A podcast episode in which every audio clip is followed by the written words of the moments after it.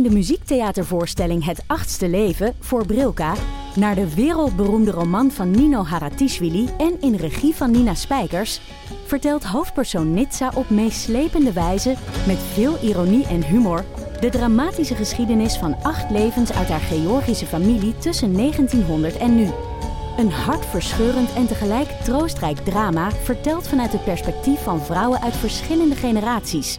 Waarbij het publiek meegenomen wordt op een emotionele, visuele en muzikale reis door de 20ste eeuw. Koop je tickets voor het achtste leven via oostpol.nl.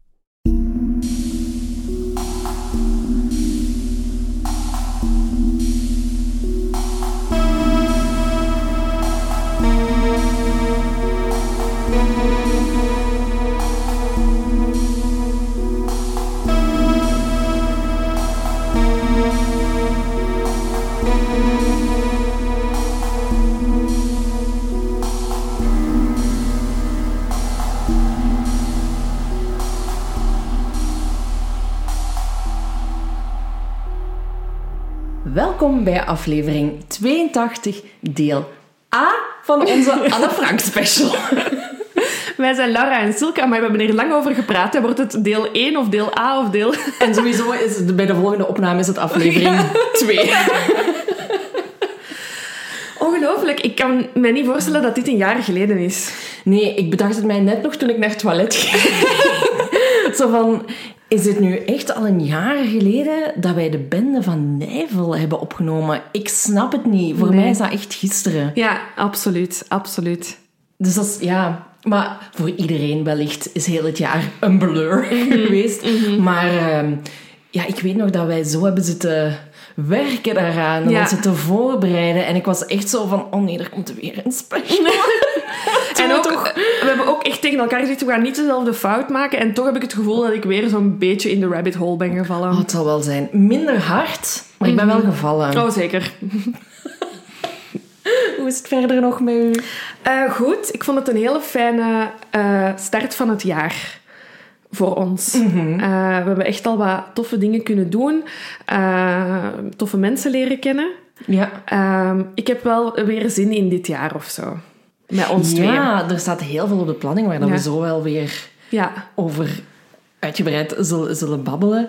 Maar ja, ik heb er ook wel echt heel veel zin in Ja. om, om te zien waar we weer staan. Wat er weer gebeurd is op een jaar tijd. Ehm, lijkt het, ja, ik ben echt benieuwd wat er Ja. gewoon gaat gebeuren nu weer op een jaar tijd. Ja. Terwijl het jaar zo snel is gegaan. Mhm. Er is zoveel gebeurd, een boek geschreven. Allee, bon, jullie weten het allemaal wat we gedaan hebben. Ehm, en het eerste belangrijke wat dat we eigenlijk gedaan hebben, is dat we nu ja, een nieuwe familie hebben. We Ja, zijn, we zijn eh, lid geworden van Dag en Nacht Media, een podcastnetwerk in Nederland dan ook nog eens. Ehm, Hallo ja- Nederland. Hey. en dat, eh, ja, dat, voelt, dat voelt heel fijn gewoon, omdat tot nu toe deden we het altijd alleen. We hebben alles zelf moeten uitzoeken, hoe dat, hoe dat we moeten opnemen, hoe dat we dat op Spotify moeten zetten en dat soort dingen. Eh, en nu wordt dat een beetje uit handen genomen. Krijgen we wat technische ondersteuning en zo. Ehm, en ja, gaan zij voor ons ook op zoek naar sponsors. Ja. Ehm, want ja, wij, wij zijn maar met twee en het lukte gewoon niet om dat er nog bij te krijgen. Nee, nee, en ik denk, allee, jullie weten dat zelf ook. Wij zoeken naar manieren natuurlijk om, om, om deze podcast levensvatbaar te houden. Ehm, en de, de tijd en de moeite dat we erin steken, ja, dat zou gewoon echt fijn zijn dat dat beloond wordt. En we merkten dat het gewoon voor ons te moeilijk was om, om dat erbij te nemen. Dus het voelt wel fijn dat er toch een, een bron van inkomsten is, zonder dat jullie daardoor geraakt gaan worden. Hè. We gaan de afleveringen niet ineens betalend maken. Ehm, we gaan al paniekberichtjes krijgen. ja. Eh, maar je zal af en toe een sponsor horen. Je hebt dat in het verleden ook al gehoord. Ehm, maar weet gewoon dat dat voor ons de enige manier is om hiermee ja, verder te gaan en groter te worden. Ja, exact. Ehm, dus dat is wel echt een heel... Allee, dat, dat was voor mij wel echt ook een, een goal of zo. Om ergens eh, aansluiting Ja. bij te vinden. Ja. Dat we ja, collega's hebben Ja. nu opeens. Ja. En over collega's gesproken. Maar ik dacht echt, what the fuck ben jij aan het doen? Ja, want eh, dat is ook iets wat we dit jaar hebben gedaan. Ehm, voor de eerste keer in ons leven hebben we collega's ontmoet. Hè. Ehm, het podcastnetwerk is in Nederland, dus dat zijn voornamelijk gesprekken die via Skype eh, zijn Ja. gegaan. En we weten wel dat er andere hele fijne podcasters ook in het netwerk zitten, waaronder Dam Honey, met wie we een crossover hebben gedaan. Ehm, maar we hebben onze stoute schoenen aangetrokken en we hebben eens wat mensen een bericht gestuurd en gezegd hey, eh, zouden we eens niet onder podcasters onder elkaar iets gaan drinken? Dat hebben we deze week ook gedaan. We hebben de mensen eh, van Nerdland leren kennen, de mensen van Welcome to the AA. Ehm, en toen we die foto posten, dachten jullie ook allemaal dat wij een aflevering hebben opgenomen. Sorry. Sorry, we hebben gewoon pintjes gedronken. elkaar eerst gewoon wat beter leren Ja. kennen, hè? Maar dat was zo fijn om zo eens over dezelfde struggles en dezelfde Dezelfde struggles. te kunnen babbelen. Ja, ja dat was heel fijn om, om, om die allemaal eens te ontmoeten. Ja, dus ik denk, allee, ja, het is, het is dat wat we zeggen. Hè. We, we doen dit al vier jaar en we hebben dat tot nu toe altijd alleen Ja. gedaan. Ja, En hier en daar was er wel eens contact met iets of iemand, maar er kwam nooit iets concreet. concreet uit. Ehm, dus ja, dit, dit voelt wel heel goed. Gewoon. Ja. ja. Effectief. Heel blij. Was heel leuk. Dus dat was zeker een goed begin van het Ja, jaar ja. om het zo te starten. Een goed begin voor jullie. Ik probeer ook even een schone overgang.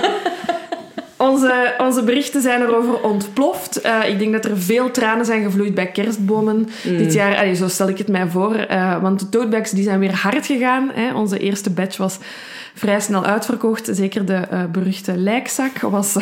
Die niet gedrukt mocht die worden. niet gedrukt mocht worden, was snel out of stock. Goed nieuws, er komen nieuwe totebags. Er komen veel nieuwe totebags. hè. We hebben echt wel een groot aantal extra laten bijmaken. We kondigen dat snel aan wanneer dat deze online zijn. Het zal wel de laatste keer zijn dat we, de, dat we, de- ja, Ja. Dat we ze online zwieren, want we hebben al een heel tof volgend merch idea. Ehm, maar dus eh, hou onze sociale media in de gaten. Ehm, ik vermoed ergens na de special ehm, zullen we eh, Daar meer over ja, weten, daar hè. meer over weten. En dan zullen we ze online gooien. Dus we hebben net gezegd dat we eh, met dag en nacht zitten. En die gingen sponsors voor ons zoeken. En kijk eens aan, we zitten al met een sponsor. En dat was echt fantastisch, want we zitten in een soort van WhatsApp-groep en dan, was het, eh, dan kregen we zo rond kerst en nieuw zo... Hey dames, eh, fijne kerstfeesten. en eh, oh ja, trouwens, er is een eerste sponsor voor jullie. Zo, yay! Ja, en een heel leuke sponsor ook. Het is eh Hello Fresh. Ja. Ehm, en wij hadden het eigenlijk nog nooit gebruikt. Hè? Ik was, ik was heel... eh, ik- ergens voelde ik hem aankomen, want HelloFresh Ja. sponsort... Ik voel mij nu ook een hele grote podcast, omdat eh, HelloFresh vaak ehm, een grote podcast sponsort. Dus ik was zo, oh my god... We, we zijn er. We zijn, er, we zijn erbij. Yes, we hebben het gemaakt. Ehm, en ik denk, en ik dacht dat ik echt een van de enige HelloFresh maagden was op deze Ja, wereld. Maar jij dus ook. Ja, Dus ik ook. Ja. Dat is ongelooflijk. We, we hadden het alle twee nog nooit gedaan. Nee, en ik vind het leuk. ik heb dingen gegeten die ik nog nooit in mijn leven Oh, wat, had wat, gegeten. wat, wat? Orzo. Mm, lekker. Ik kende het niet. Ik, zal, ik zag het in, een, in het pakje en ik dacht, ah, dat is rijst. Ja. het, is tot, het is totaal geen rijst. Maar echt lekkere dingen. En ik had meteen zo drie recepten. Mhm. En ik heb... eh, Van, bij elk had ik nog nooit gegeten. Ja. Noedels, orzo. ehm, en ja, ook gewoon het... Ja, het gemak waarmee Ja. dat dan gemaakt wordt. En ook, want ik zou denken, oh, orzo, hoe moet je dat maken? Ja. En, eh, en dan maakt je dat. En dat was op 20 minuten klaar. Mhm, mhm. Ja, ik was heel blij. Ehm, ik, ik- in mijn hoofd was dat ook... Ik, ik denk dat, dat ik het ook gewoon altijd anders voorstelde dan wat het was. hè. Mhm. Er is zoveel keuze. Ik, en ik ben iemand met keuzestress, dus het was al moeilijk Ja. voor mij om te beslissen welke gerechten ik wou. Ehm, en dan een van de dingen dat er tussen stond was Japanse curry. Eh, en Lucas en ik zijn op reis geweest in Japan en dat was een van de eerste dingen. Ik wist niet van het bestaan af tot ik in Japan kwam dat die ook hun eigen... Allee, je weet, je kent wel een Indische curry en een Thaise curry. Zo, ah, Japan heeft dat Japanse ook. curry. Ja, maar niet, eh, niet super speciaal, maar dat is zoiets dat, ik, dat wij gaan eten naar een Japans restaurant om dan nog eens te eten. Dus ik zag dat ertussen staan en ik dacht, ja, ik ga dat, ik ga dat proberen zelf te maken. Ja. Ehm, zo lekker. Ik heb dat ook... ik denk ook niet dat dat de bedoeling is, waarvoor mijn excuses, HelloFresh, maar ik heb dat recept bijgehouden en ik ga dat nog eens maken. Maar Ik zo, zo- weet niet of dat mag, maar dat staat op zo'n schoon kaartje. Dus ik denk, dus ik heb dat zo bijgehouden. Zo. Dat ga ik nog eens maken voor als ik geen box heb. Ja, voilà. Ik heb dat ook Ja. exact gedacht. Ehm, nee, ja, en uiteraard mogen wij jullie ook iets aanbieden. Ja, ja want ehm, ja, daar was ik ook heel hard on- van onder de indruk. Ik dacht, ja, die gaan dan zo'n code van 5 euro korting geven. Ehm, maar met de code Hello Volksjury 75 krijgen jullie 75 euro korting op jullie eerste vier boxen. Alsjeblieft, you're welcome. Ja, ik zou het echt zeker Maar probeer het gewoon. Het is echt, het is, ik, ik ben extreem aangenaam verrast. Maar extreem. Ja. Sorry, ik ga gewoon voor de, voor de gemakkelijkheid, want we krijgen altijd vragen. Ja, maar jullie spreekt snel. Ik ga nog eens zeggen. HelloFresh, de code is Hello Volksjury 75. Dus gewoon hellofresh.be, hellofresh.nl en daar kun je de code ingeven. 75 euro korting, vier boxen. Uw leven gaat een maand zo aangenaam zijn. Voilà. Meer moet dat niet zijn. Alright, here we go. Oh my god, het is, het is gestart. het, is, het is gang. Je begint zo maniacaal te lachen. Ja, ja, Uw blik ook. Ja. Ehm, ja, ik, ik had toch wel wat zenuwen. Ehm, we gaan even gewoon de structuur van de afleveringen uitleggen, eh, zodat jullie weten waaraan jullie, jullie kunnen verwachten. Eh, in de eerste aflevering gaan we eigenlijk vooral context eh, schetsen. Ehm, wat is Wereldoorlog 2? Hoe is dat van start gegaan? Wie waren de betrokken partijen? Ehm, van waar komt die jodenhaat? Eh, Is dat iets dat Hitler heeft uitgevonden? Is dat iets al oud? Ehm, wat hebben Joden gedaan vanaf het moment dat ze wisten dat, dat zij ja, staatsvijand nummer één werden eh, bestempeld, zeg maar. Ehm, en hoe ging onderduiken in het algemeen ja, in zijn werk? Hè? Hoe zag dat eruit? Dus dat is eigenlijk echt aflevering 1 waarin dat we heel de context eh, schetsen. Eh, mensen gaan nu misschien denken van... Sorry, maar jullie gingen het hebben over het verraad van, van de familie Frank. Ja, dat is ook zo, maar ik vond dit echt heel nodig, deze context. Ja, want anders mis je een heel groot Ja. deel van waarom dat er ondergedoken Ja, ja. wordt, wat er nadien gebeurt, waarom mensen verraden worden. Ehm, dus ik vond ook dat we met hiermee moesten beginnen. Dus ja, het is net zoals met de bende van Nijvel. Hè. Dat, dat was ook een opbouw van Ja. vier afleveringen. Ja. Ehm, maar daarom dat het ook zoveel afleveringen zijn, omdat het, ja, Ja. er moet gewoon veel verteld worden. Absoluut. En ehm, aflevering 2 gaat echt over de hoofdpersonages van ons verhaal. Wie zit er in het achterhuis? Wie hielp hen? Ehm, hoe zag dat eruit, dat achterhuis? Eh, wat, wat was de, het ritme van de dag? De vibe. De vibes. ehm, hoe is de arrestatie gebeurd en hoe zijn ze ontdekt? Ehm, en wat is er gebeurd met die mensen vanaf het moment dat ze gearresteerd zijn? Ja. En dan de derde aflevering gaan we focussen op het verraad. Eh, alle pisten van hoe dat het komt eigenlijk dat die arrestatie er is eh, gekomen. Hè. Heeft iemand hem verraden? Zijn ze niet verraden? Wat ook nog altijd een optie is. En dan komt er nog een vierde aflevering, maar daar zullen we tijdens de komende aflevering nog wel over uitweiden. Yes. Wat daar de opzet van is. Ik wil ook even meegeven, ik wil mensen niet ophypen, maar ik ben er gewoon zelf te gehyped over. Over aflevering 3. zoals jullie weten nemen wij... Ik- Silke was echt naar mij aan het kijken van, sorry, wat? Waar gaan we naartoe? Nee, maar dus normaal nemen wij onze eerste drie afleveringen altijd op één dag op van de special. We hebben dat met Dutroux gedaan, we hebben dat met eh, de Bende van Nijvel gedaan. Dat is echt zo, ja, een marathon, maar dat is wel tof. Ehm, maar we hebben deze week, last minute, beslist om de derde aflevering uit te stellen. En wel hierom, ehm, we zijn via via te weten gekomen, eh, dat is niet zo'n groot geheim, dat er een nieuw boek over het verraad van Anne Frank zou verschijnen. Dus wij direct, oké, eh, uitgever gecontacteerd. Eh, een beetje grootheidswaanzin gezegd, ja, maar wij zijn echt een hele grote podcast en we moeten dat manuscript nu lezen. En het is echt belangrijk voor ons. Ehm, en eh, nu kunnen we het boek dus iets vroeger krijgen, maar niet echt heel veel vroeger. Ehm, maar het ging er niet op tijd zijn om dit weekend ehm, de aflevering op te nemen. En ik heb uiteindelijk vorige week nog met de uitgever gebeld en die heeft mij gegarandeerd dat het echt de moeite is om te wachten. Ja, dus ja, Maar het, het, als het goed is, dan als deze aflevering verschijnt, ja, zouden we er al iets van moeten weten. zouden we er al iets van moeten weten. Maar dus geen zorgen, wij zorgen voor een duidelijke samenvatting. Ehm, want dus we hebben op, op dit moment hebben we ons al ingelezen in het verraad en zijn er verschillende pistes. Maar het blijft een onopgeloste zaak. Ehm, en natuurlijk hoop ik nu dat dat, derde, allee, dat dat laatste boek ervoor gaat zorgen dat de zaak toch misschien opgelost wordt. En dan is het wel fijn dat wij dat direct kunnen meepakken of zo in die derde aflevering. Dus daarom hebben we beslist om het uit te stellen. Dus weet dat als jullie dit aan het luisteren zijn, wij aan het blokken zijn voor de opnames van aflevering 3. Opnieuw aan het Opnieuw, blokken. ja. We dachten dat het gedaan was, maar no, no, no. We zullen er dan maar aan beginnen. We gaan eraan beginnen. Hier is deel 1. Of deel A. Ah, Anyway. ja, en voilà, hier gaan we weer. Deel A. Ehm, ik, ja, zoals we gezegd hebben, we beginnen deze special eigenlijk met het monster dat dit allemaal in gang heeft gezet. Uh, Adolf Hitler. We willen hem niet te veel aandacht geven, maar ja, kunnen niet anders uh, in, deze, in dit verhaal.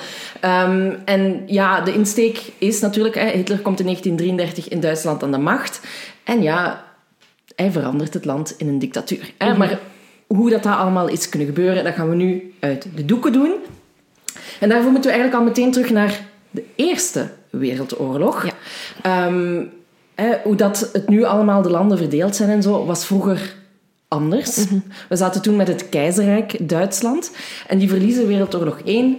En eh, keizer Wilhelm II die moet daardoor aftreden. En in 1919 wordt eh, het keizerrijk een republiek. Hè, dus leiders die worden dan eigenlijk verkozen en die stammen niet meer af van elkaar. Ehm, en eh, de sociaaldemocraten komen aan de macht. En Duitsland heeft zoiets van, oké, het gaat weer een beetje beter. Even op adem komen. Ja, Ja, je ja. bent als grote verliezer uit een oorlog gekomen, kan niet makkelijk zijn. Nee, nee, nee, nee. En het gaat goed, hè, zo jaren 20 tot de 1930. Ehm, ja, wat blijkt? Duitsland kan zijn oorlogsschulden niet terugbetalen. En die werden vastgelegd in het verdrag van Versailles. Als ik het goed heb, is dat zo, ja, wat dat Duitsland ehm, ja, moest Verschuldigd was aan de wereld, ja. hè, En, en een deel van het land terug afgeven eigenlijk. Ehm, en daardoor eigenlijk, doordat ze die schulden hebben en zo, raken ook miljoenen Duitsers werkloos. Er is een politieke crisis. Ehm, het zijn voortdurend nieuwe verkiezingen eigenlijk. Ehm, en de Nationaal Socialistische Duitse Arbeiderspartij, vanaf nu de NSDAP, die zegt...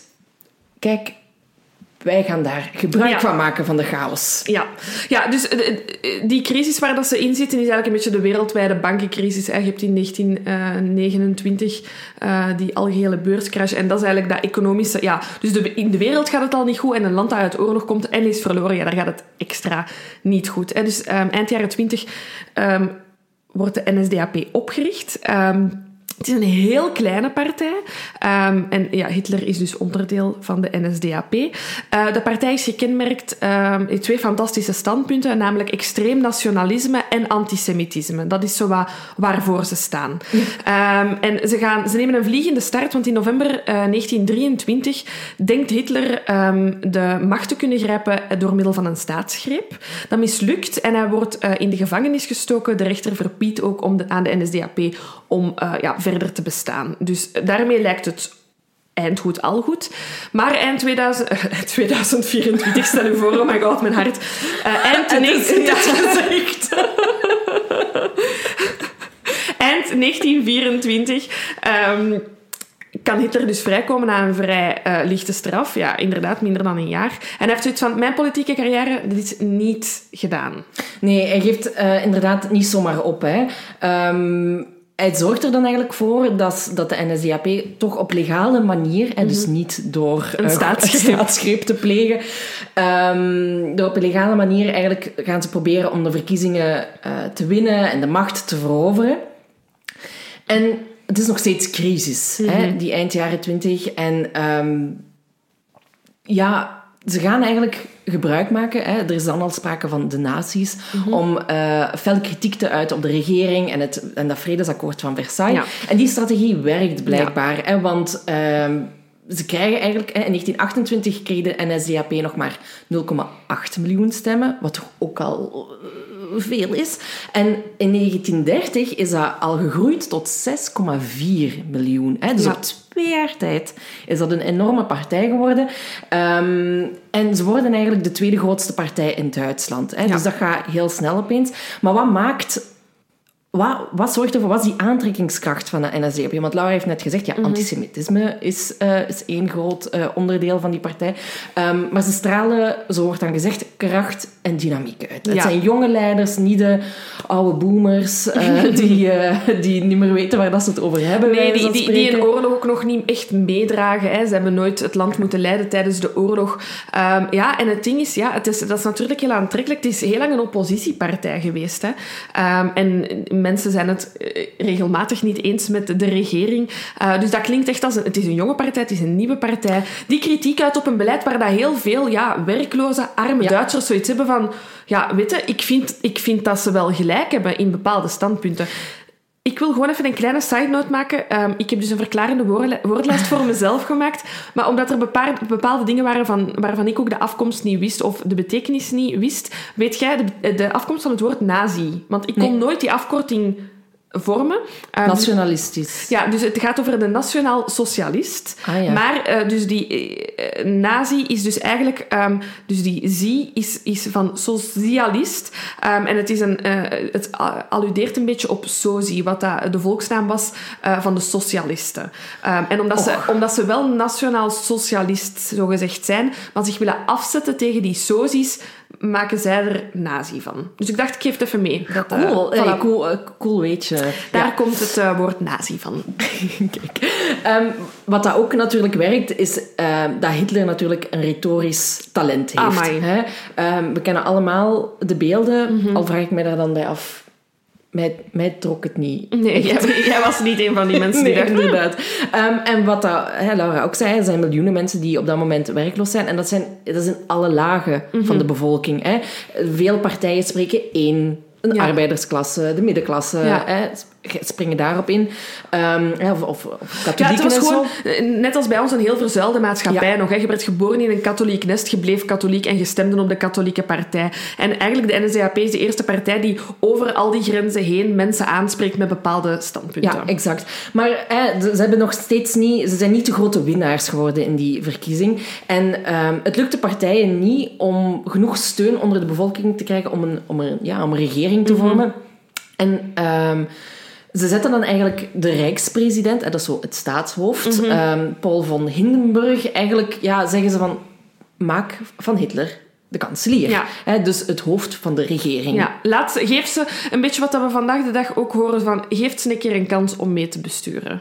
Ik ga geen naam noemen. En op die manier hopen ze dan eigenlijk, eh, door, door de NSDAP ermee te betrekken, dat ze daar een meerderheidskabinet kunnen vormen. En zij denken, dan gaan we Hitler voor onszelf kunnen gebruiken.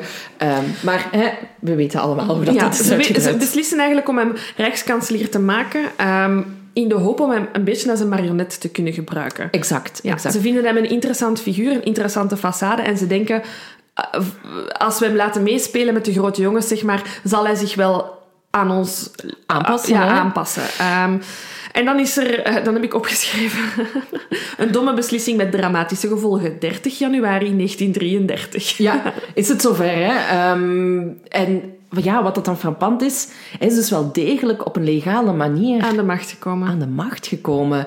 Ehm, maar heeft nog niet alle macht. Nee, nee. Dus wat dan gebeurt er op 30 januari 1933 zijn de ja, onderhandelingen, eh, regeringsonderhandelingen afgerond. En von Hindenburg ehm, ja, iets geplooid en hij benoemt Hitler tot eh, rijkspresident. Hij is niet verkozen door het Duitse volk, maar hij is dus wel op een wettige manier in de regering eh, terechtgekomen. In, in, in die nieuwe regering zitten trouwens maar twee NSDAP-leden. Ja, ze hebben geen enkele ministerpost, dus het lijkt effectief zo van... We hebben ze er wel aan toegelaten, maar bon, echte macht gaan ze niet krijgen. Het- Wat wel belangrijk om te weten is dat Herman Geuring Ja. er dan al bij is. Ja. En dat hij ook de controle krijgt over de politiemacht van Pruisen. Wat later gezien Ja. wel een belangrijk postje blijkt te zijn. Ja. Ehm, maar op dat moment... Ja, je Niks. ziet, eh, er is geen minister van Justitie of van, of van Binnenlandse Zaken post naar hen gegaan. Dus je denkt, ja, ça va wel zeker. Ja, ja en, en zo denken de Duitsers ook. Hè. En, want ja, er zijn al zoveel verkiezingen geweest. Er zijn al zoveel crisissen geweest. Ja, wat dat die Hitler nu even Ja. kanselier gaat spelen. Ja, volgend jaar, volgende week kan het alweer iemand Ja, ik had ergens zijn. gelezen dat er op vijf jaar tijd echt zeven regeringen waren geweest. Dus ja, de, de Duitse bevolking heeft zoiets van, ja, we hebben er niet voor gestemd. Of, allee, niet, niet de meerderheid heeft er niet voor gestemd, maar volgende week is het iemand anders, maakt niet uit. Ja, exact. Dus iedereen reageert eigenlijk vrij gelaten, ehm, behalve de nazi's zelf. want die organiseren een fakkeltocht als eh, viering van eh, ja, Hitler die uh, Hoe bedenk je het? Een fakkeltocht? Weet je, dat, dat raakte mij diep in mijn hart. Want als het herfst is, organiseerden wij met de scouts een fakkeltocht met warm chocomelk. Ja, dat vind ik toch... eh, een bepaald gevoel op. Dus dan liepen wij zo met fakkels door de velden en dan kogen we warme chocomelk en aan het kampvuur. Zo heel vredelievend. En nu denk ik, oh my god, wat? Ja, ja maar ik, ik, ja. Waarom kunnen niet gewoon, een, eh, zoals ze dan in, in Nederland zeggen, een vrijmiborrel eh, doen? Proficiat, je bent rijkskanselier. Hou het rustig. Ehm, ik wil eh, gewoon jullie erop ehm, op, op attent wijzen dat de datums die dat wij zeggen elkaar heel hard opvolgen. Exact. Ehm, dat is voor mij was dat de grootste shocker eigenlijk in, in, in, de- deze eerste, in dit eerste deel. Hè, want dus hij komt op 30 januari 33 aan de macht.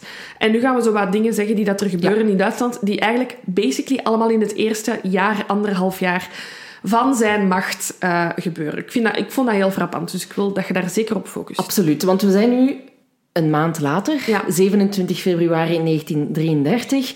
En Hitler is nog steeds bezig van ik wil meer macht, ik wil meer macht, ik wil meer macht. En ehm, een kantelpunt daarin eigenlijk is eh, de brand in de Rijksdag, dat is het parlementsgebouw. Dus op 27 februari 1933. Ehm, die brandstichter blijkt eh, een Nederlandse communist te zijn, Marinus van der Lubbe. Eh, die wordt uiteindelijk op een showproces geëxecuteerd. eh, maar er zijn ook nooit eh, bewijzen gevonden dat hij handlangers had of wat dan ook.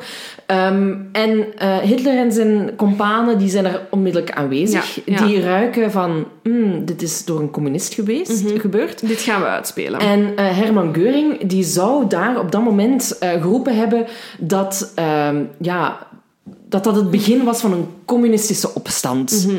En Hitler heeft dan gezegd: vanaf nu zullen we geen genade meer kennen. Wie ons in de weg staat, wordt afgeslacht. Ja, en Rijkspresident van Hinterburg ehm, luistert eigenlijk een beetje. Hij hoort die woorden.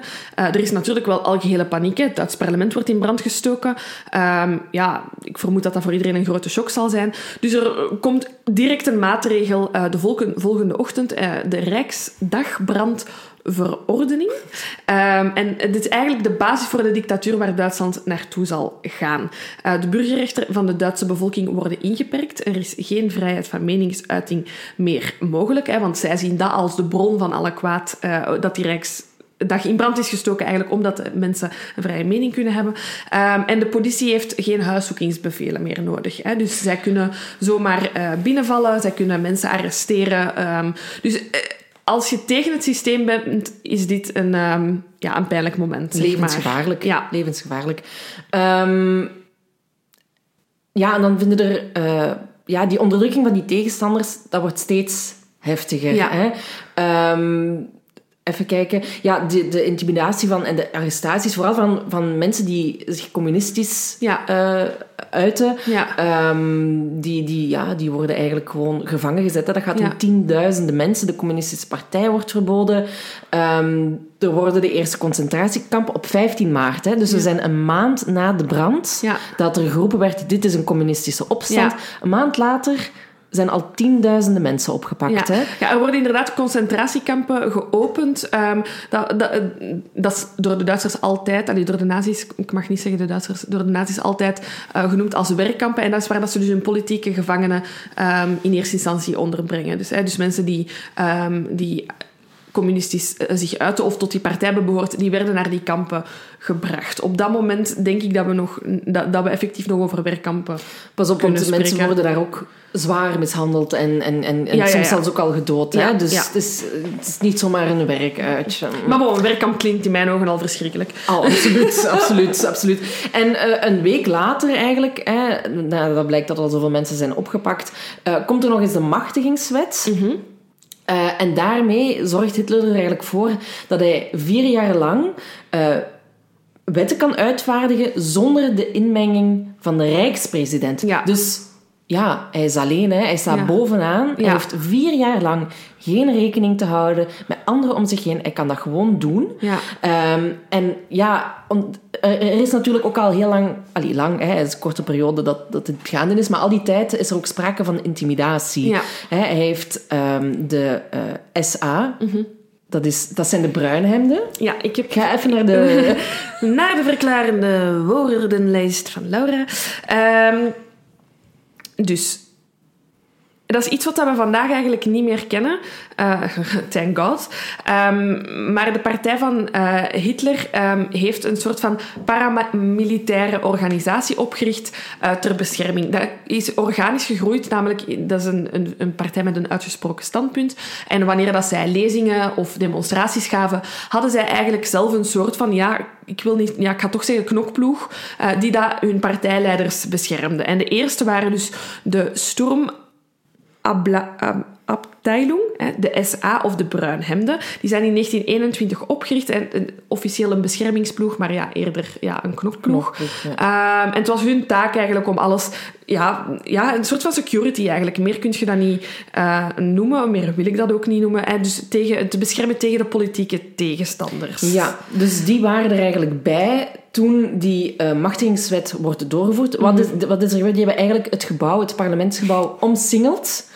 Dus ja, iedereen binnen in dat gebouw dacht... Ja, we hebben, we hebben geen keuze gewoon om dit door te voeren. Hè.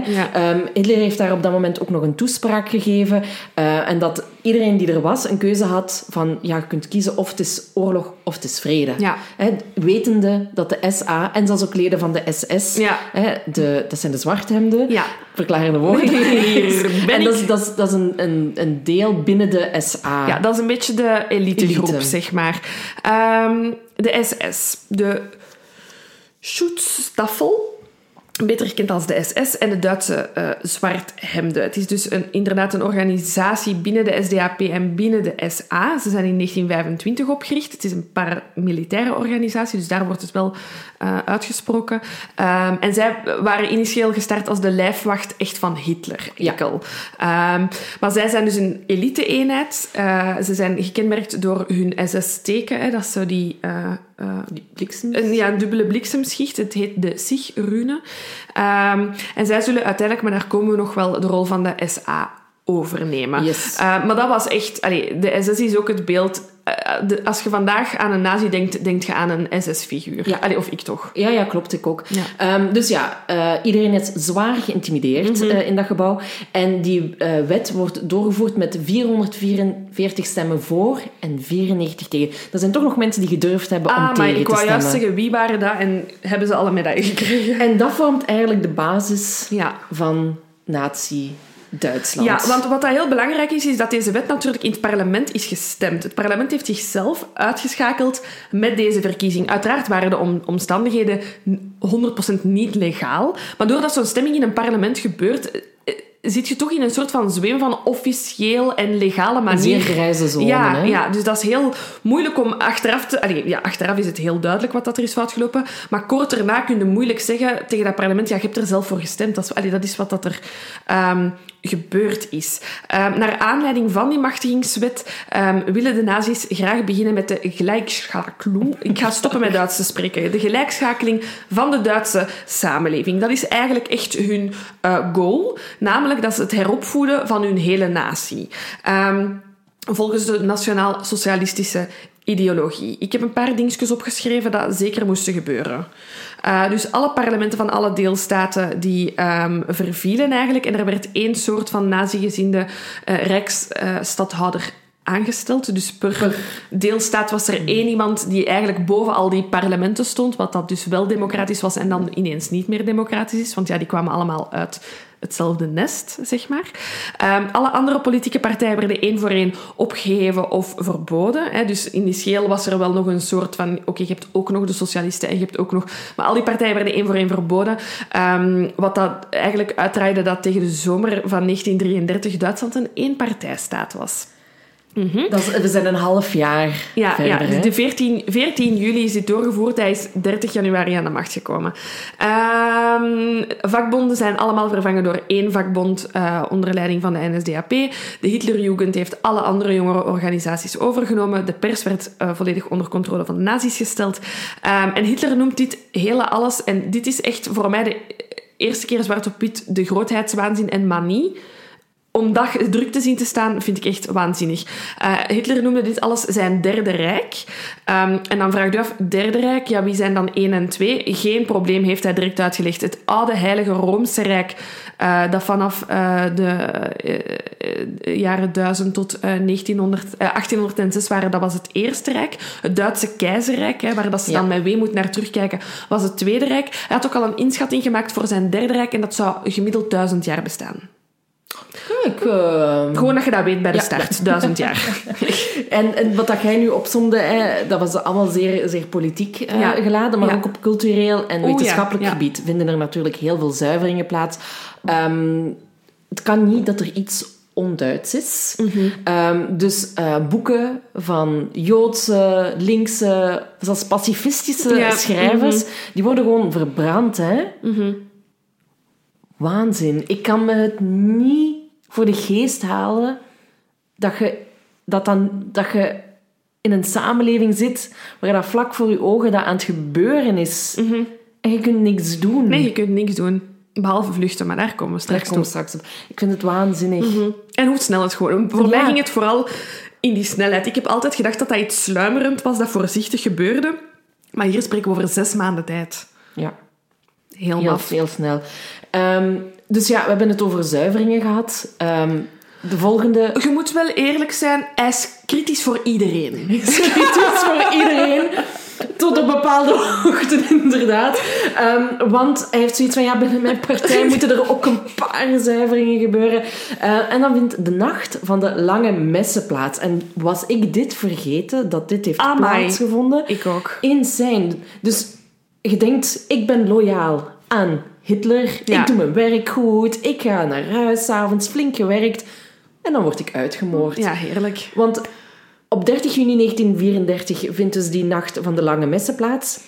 En op bevel van Hitler worden er 85 prominente SA-leden vermoord. Ja, dus dat zijn die bruinhemden. Dat zijn de bruinhemden. En die, die worden zijn, knok, zijn knokploeg. Ja, ja, dus zijn eigen, zijn eigen security wordt eigenlijk door de SS, de zwarthemden, vermoord. En die, die, die SA bestond ondertussen al uit 4 miljoen leden. Maar in tegenstelling tot Hitler hielden zij er eerder linkse ideeën op na. Ja. En ze wilden het uh, bestaande... Zij wilden eigenlijk het nieuwe Duitse leger worden. Mhm. Maar Hitler had zoiets van... Ja, jongens, ik heb nog een paar plannen. Mhm. Komt me niet zo goed uit. Ik heb world domination nodig, dus ik heb dat leger van ons Duizend nog... jaar. Duizend jaar. Think big. Lange termijn visie. En um, ja, dat Duits leger, eh, Hitler heeft gezegd, ik heb dat wel nodig. En die waren dan op hun beurt weer niet zo fan van de SA. Ja. Dus ja, Hitler zag echt niks anders dan de optie... Ja, Moorden. ik heb moorden, want ik heb, het, ik heb de steun nodig van het leger. En heeft toch even getwijfeld, heb ik gelezen. Uh, maar dan geeft hij de SS, dus de opdracht hè, onder leiding van Heinrich Himmler, ook een gekende naam, de opdracht uh, om iedereen uit te moorden. Um, en zo komt eigenlijk, ja, uh, de SS krijgt ook meer macht. Mhm. En natuurlijk, hey, Laura zei het al, is het beeld van Ja, uh, Nazi-Duitsland. En ze worden een van de meest gevreesde organisaties van het Derde Rijk. Nu, je moet, want ik wil dat echt, dat is iets wat ik ook nog even zeker niet wil vergeten. Ehm, uiteraard kun je niet zomaar meer dan 85 mensen vermoorden op één nacht zonder eh, daar een ehm, reden aan te geven. Ehm, Oké, hij heeft wel alle pers en zo in, in handen, maar je moet toch wel een soort van statement maken van waarom dat je die mensen hebt uitgemoord. Maar hij heeft daar een hele goede reden voor, hè, Silke. Ehm, want eh, de volledige top van de SA was homoseksueel en dat was het probleem. Kan niet. Kan niet. Ten Ook zo'n eerste- volledige top. ook echt zo, wat een zalige organisatie moet dat geweest zijn als dat allemaal gay mannen waren geweest. Ik bedoel, eh, ik was bijna lid geworden. Zo RuPaul. Ja, dat ik zie echt inderdaad zo'n drag race SA. Ehm, maar bon, het feit dat je geaardheid als een excuus gebruikt om mensen uit te moorden, is echt om van te kotsen. Ehm, en ik vraag mij ook af in hoeverre dat de bevolking dat dan heeft geslikt als reden of zo. Ja, het is... Het is... Ja, het is waan. Ik heb er Ja. gewoon geen woorden voor. Dat je, dat, dat- ik denk ook niet dat veel mensen dat geslikt hebben. Nee, nee, nee. Dat Nee. eh, argument. Natuurlijk wel mensen die al eh zover gebrainwashed Ja, ja. waren, Ja. dat die daarin mee waren. Maar ik denk de gewone Duitser, Ja, die zal zich daar toch ook wel vraagtekens bij gesteld hebben. Maar bon, in zo'n sfeer van intimidatie en dergelijke, denk ik niet dat je op dat moment veel kunt doen. Nee. Ehm, en wat een bijkomend probleem is, dus in 1934 sterft ook nog eens de rijkspresident. Dus nu, als Hitler, die, is, die, die heeft nu alle macht, hij is alleen heerser. Dus hij, heeft, hij, had, hij had sowieso al vier jaar dat hem zich niks moest aantrekken van de rijkspresident. Maar nu is hij ook nog eens dood. Ja, handig. Dus- Dus, er moet geen herverkiezing gebeuren. exact. Nee. Ja, ik heb nog gewoon een lijstje eigenlijk van... ehm, hè, want we, we zitten eigenlijk nog maar in 1934. Ehm, nu heb ik zo een lijstje gemaakt van alles wat dat er nog gebeurt naar aanloop van de oorlog. En dan... Ja, is goed. ehm, ja, de volgende grote gebeurtenis is die, hè, dat wij alle twee hebben. ja, ja, ja. Ehm, eh, een, een mijlpaal dat we zeker moeten vermelden voor ons verhaal is 1 april 1933, want dan wordt de eerste antisemitische wet ingevoerd in Nazi-Duitsland. Er komt een boycott op Joodse winkels en producten. Ehm, Eind 1933 zijn, eh, is die, inderdaad die eh, ombouw van de Duitse maatschappij begonnen ehm, en worden de eerste gedwongen sterilisaties en euthanasieën gepleegd. Ehm zijnde op mensen die... eh, hun focus ligt dan best nog gevarieerd, eh, namelijk gehandicapte ehm, personen, eh, mensen met een andere geaardheid. eh, Joden zitten daar ondertussen ook al bij, maar uiteraard zeker ook de communisten mogen zich niet voortplanten. Ehm, anderzijds wordt er, is er een enorme heropleving van de economie in Duitsland. De werkloosheid wordt aangepakt door heel veel werkkracht ehm, aan te bieden. Er worden heel veel autostrades gebouwd. eh, er is heel veel industrie dat op gang wordt getrokken. Eh, dus ja, ik denk dat Duitsland wel ergens een beetje het gevoel heeft dat ze vooruit aan het gaan zijn, omdat er wel ja, veel bij komt of zo. Ja, en ze, ze, ze zijn ook natuurlijk nog niet vergeten wat er in de Eerste Wereldoorlog is gebeurd. Hè? Mm. Nee, Dus nee. eh, Hitler begint alles op gang te trekken Ja, ja. om, en ook een sterk leger te bouwen, Ja. Om wraak te kunnen nemen. ja. Ze hebben ondertussen wel vrienden gemaakt, namelijk Italië, Spanje en Japan worden zowel wat halve bondgenoten ehm, van eh, Duitsland. Ja, die hebben elk ook wel zo'n fascistische leider eh, die dat er ja, bij zit. Ze eigenen Oostenrijk toe. Eh, dat is natuurlijk een natte droom van Hitler, dat officieel geen Duitser is, maar een Oostenrijker. Ehm, en ja... Dan dat zijn we is- 1938. ja, ja, dus dat is eh, een van de eerste dingen dat hij, dat hij zich eigen toe-eigent, is Oostenrijk. Ehm, en dan heb ik een, als, als laatst... allee, een, een- dat is voor mij de split echt naar de oorlog. De laatste pijnlijke actie, het verdrag van München in september 1938. Eh, ik heb opgeschreven het absolute dieptepunt van diplomatieke politiek. Ehm, ja, maar echt hoor. Ehm, Engeland en... eh, dus eh, Duitsland zit ook al lang te azen op Tsjechoslowakije. Eh, daar woont een minderheid van Duitse mensen. Ehm, en, en Hitler doet daar eigenlijk, sorry, kort door de bocht, een beetje wat dat Poetin probeert. Namelijk te zeggen van, ja, maar daar zitten mensen van mij, dus dat is ook van mij. Ehm, en tijdens dat verdrag van München past eh, Frankrijk en Groot-Brittannië de appeasement-strategie toe door te zeggen als we hem dit geven, dan zal hij zich wel rustig houden. Ja, ja, ja. De Engelse president eh, Chamberlain die komt terug in Engeland en die zegt ehm, I, provide peace in our time. Ja, grappig, want een paar maanden later begint de oorlog. Eh, maar ja, dus dat is het absolute dieptepunt. Tsjechoslowakije was een democratische samenleving en Engeland en Frankrijk hebben gewoon hun handen weggetrokken en gezegd go for it, Hitler. Ehm, met alle gevolgen van dien, want ja, dan hebben ze natuurlijk weer een stukje Midden-Europa afgegeven aan Nazi-Duitsland. En dan heb ik opgeschreven, geef ze een vinger, ze nemen een arm. Hier is Wereldoorlog 2. Maar Frankrijk en Verenigd Koninkrijk die maken zich wel nog steeds wel wat zorgen over, over Hitler Ja, natuurlijk. ik mag hè. het hopen. Je hebt net een gans land afgegeven. Ja, ja. en Ah. dan... Ja, in september 1939 beslissen ze om eh, Polen binnen te vallen. Hè. Ja. Eh, een maand eerder eh, heeft Duitsland samen met de Sovjet-Unie eh, ja, het, een niet-aanvalsverdrag. Dat is echt zo'n term uit mijn middelbare schooltijd. Het niet-aanvalsverdrag. eh, het Molotov-Ribbentrop-pact afgesloten. hè. Ja, Dat is dit is iets... eh, als je, dit, voor mij is dit echt door en door slecht zijn. Want dus, dat is Sovjet-Unie en Nazi-Duitsland die een pact sluiten. Die twee zijn letterlijk elkaars grootste vijand. En toch beslissen dat er nog een grotere vijand... Ja, echt maf. Sorry. Dus ze hebben dat pact, dat is een geheime clau- clausule. En daarin verdelen ze dus Polen. Hè, ehm, Duitsland was Polen kwijtgeraakt na het verlies van Wereldoorlog 1. Dus die hebben zoiets van, ja, we moeten toch terug opeisen ons deel. Hè? En, Grijpen, grijpen, grijpen, en grijpen. Rusland had ook recht op een deel. Dus Duitsland valt binnen bij Polen. Mhm. Dus Rusland denkt, oh, we kunnen nu niet achterblijven. Dus die gaan ook mee. Dus dat niet-aanvalspact ging over elkaar niet aan te Ja, vallen. eigenlijk hebben ze gewoon gezegd, kijk, langs links... eh, Langs onze linkse kant is er een stuk eh, neutraal terrein en voor jullie is dat de rechtse kant. Als we dan, allee, basically, als we deze nu gewoon in twee splitsen, Dan is het we good. dan we good en dan weten we dat er een- geen aanval kan komen. En wat dat ik hier in- interessant aan vind, is dat ik mij jaren heb afgevraagd van hoe komt het dat al die concentratiekampen zich in Polen bevonden? Wel, dit is de verklaring. Ja. Ze hebben dat deel gepakt en ze dachten, perfecte locatie om hier een deel van de concentratiekampen te Tuurlijk, plaatsen. maar, want, want dat deel zit natuurlijk het dichtst tegen de Sovjetkant. ehm, verder weg van, van, ja, van, van West-Europa, zeg maar. Mhm. Ehm, de kant met wie dat ze weten dat ze het meeste boel gaan maken. Ah ja, met de Sovjets hebben ze nu ineens een pact afgesloten. Eh, dus ze denken hoe verder dat, dat kan zitten, allee, lijkt mij... ehm, hoe beter. Hè? Ehm, en dit is een hele rare periode, hè? want dus iedereen... Het gaat snel. Het gaat ja, het gaat heel snel. Het is 1 september 1939. Duitsland is Polen binnengevallen. Ze hebben al Oostenrijk, ze hebben al Tsjechoslowakije, Tsjechoslowakije. ze hebben Polen. Ja, en, en ja, wij, allee, wij als Belgelandje, Nederland, sorry, maar wij deden er niet echt toe. Maar de grootmachten Frankrijk en Engeland hebben wel zoiets van... What's happening? Shit, dit is niet Hmm. Dat is de goed. arm. Hij heeft de arm gepakt. Ja, hij heeft de arm gepakt. Ehm, en deze periode wordt eigenlijk eh, de schemerperiode genoemd. Bij de Engelsen de Phony War en bij de, Eng- eh, bij de Fransen Drôle de guerre. En het is eigenlijk een soort van vreemde periode van rust, waarbij dat Frankrijk en Engeland ehm, niks doen. Duitsland eigenlijk ook niet echt... ehm allee, de naties ook niet echt iets doen. Maar waarvan alle partijen weten, het onvermijdelijke zit eraan te komen. We gaan terug in oorlog gaan. Want de volgende landen...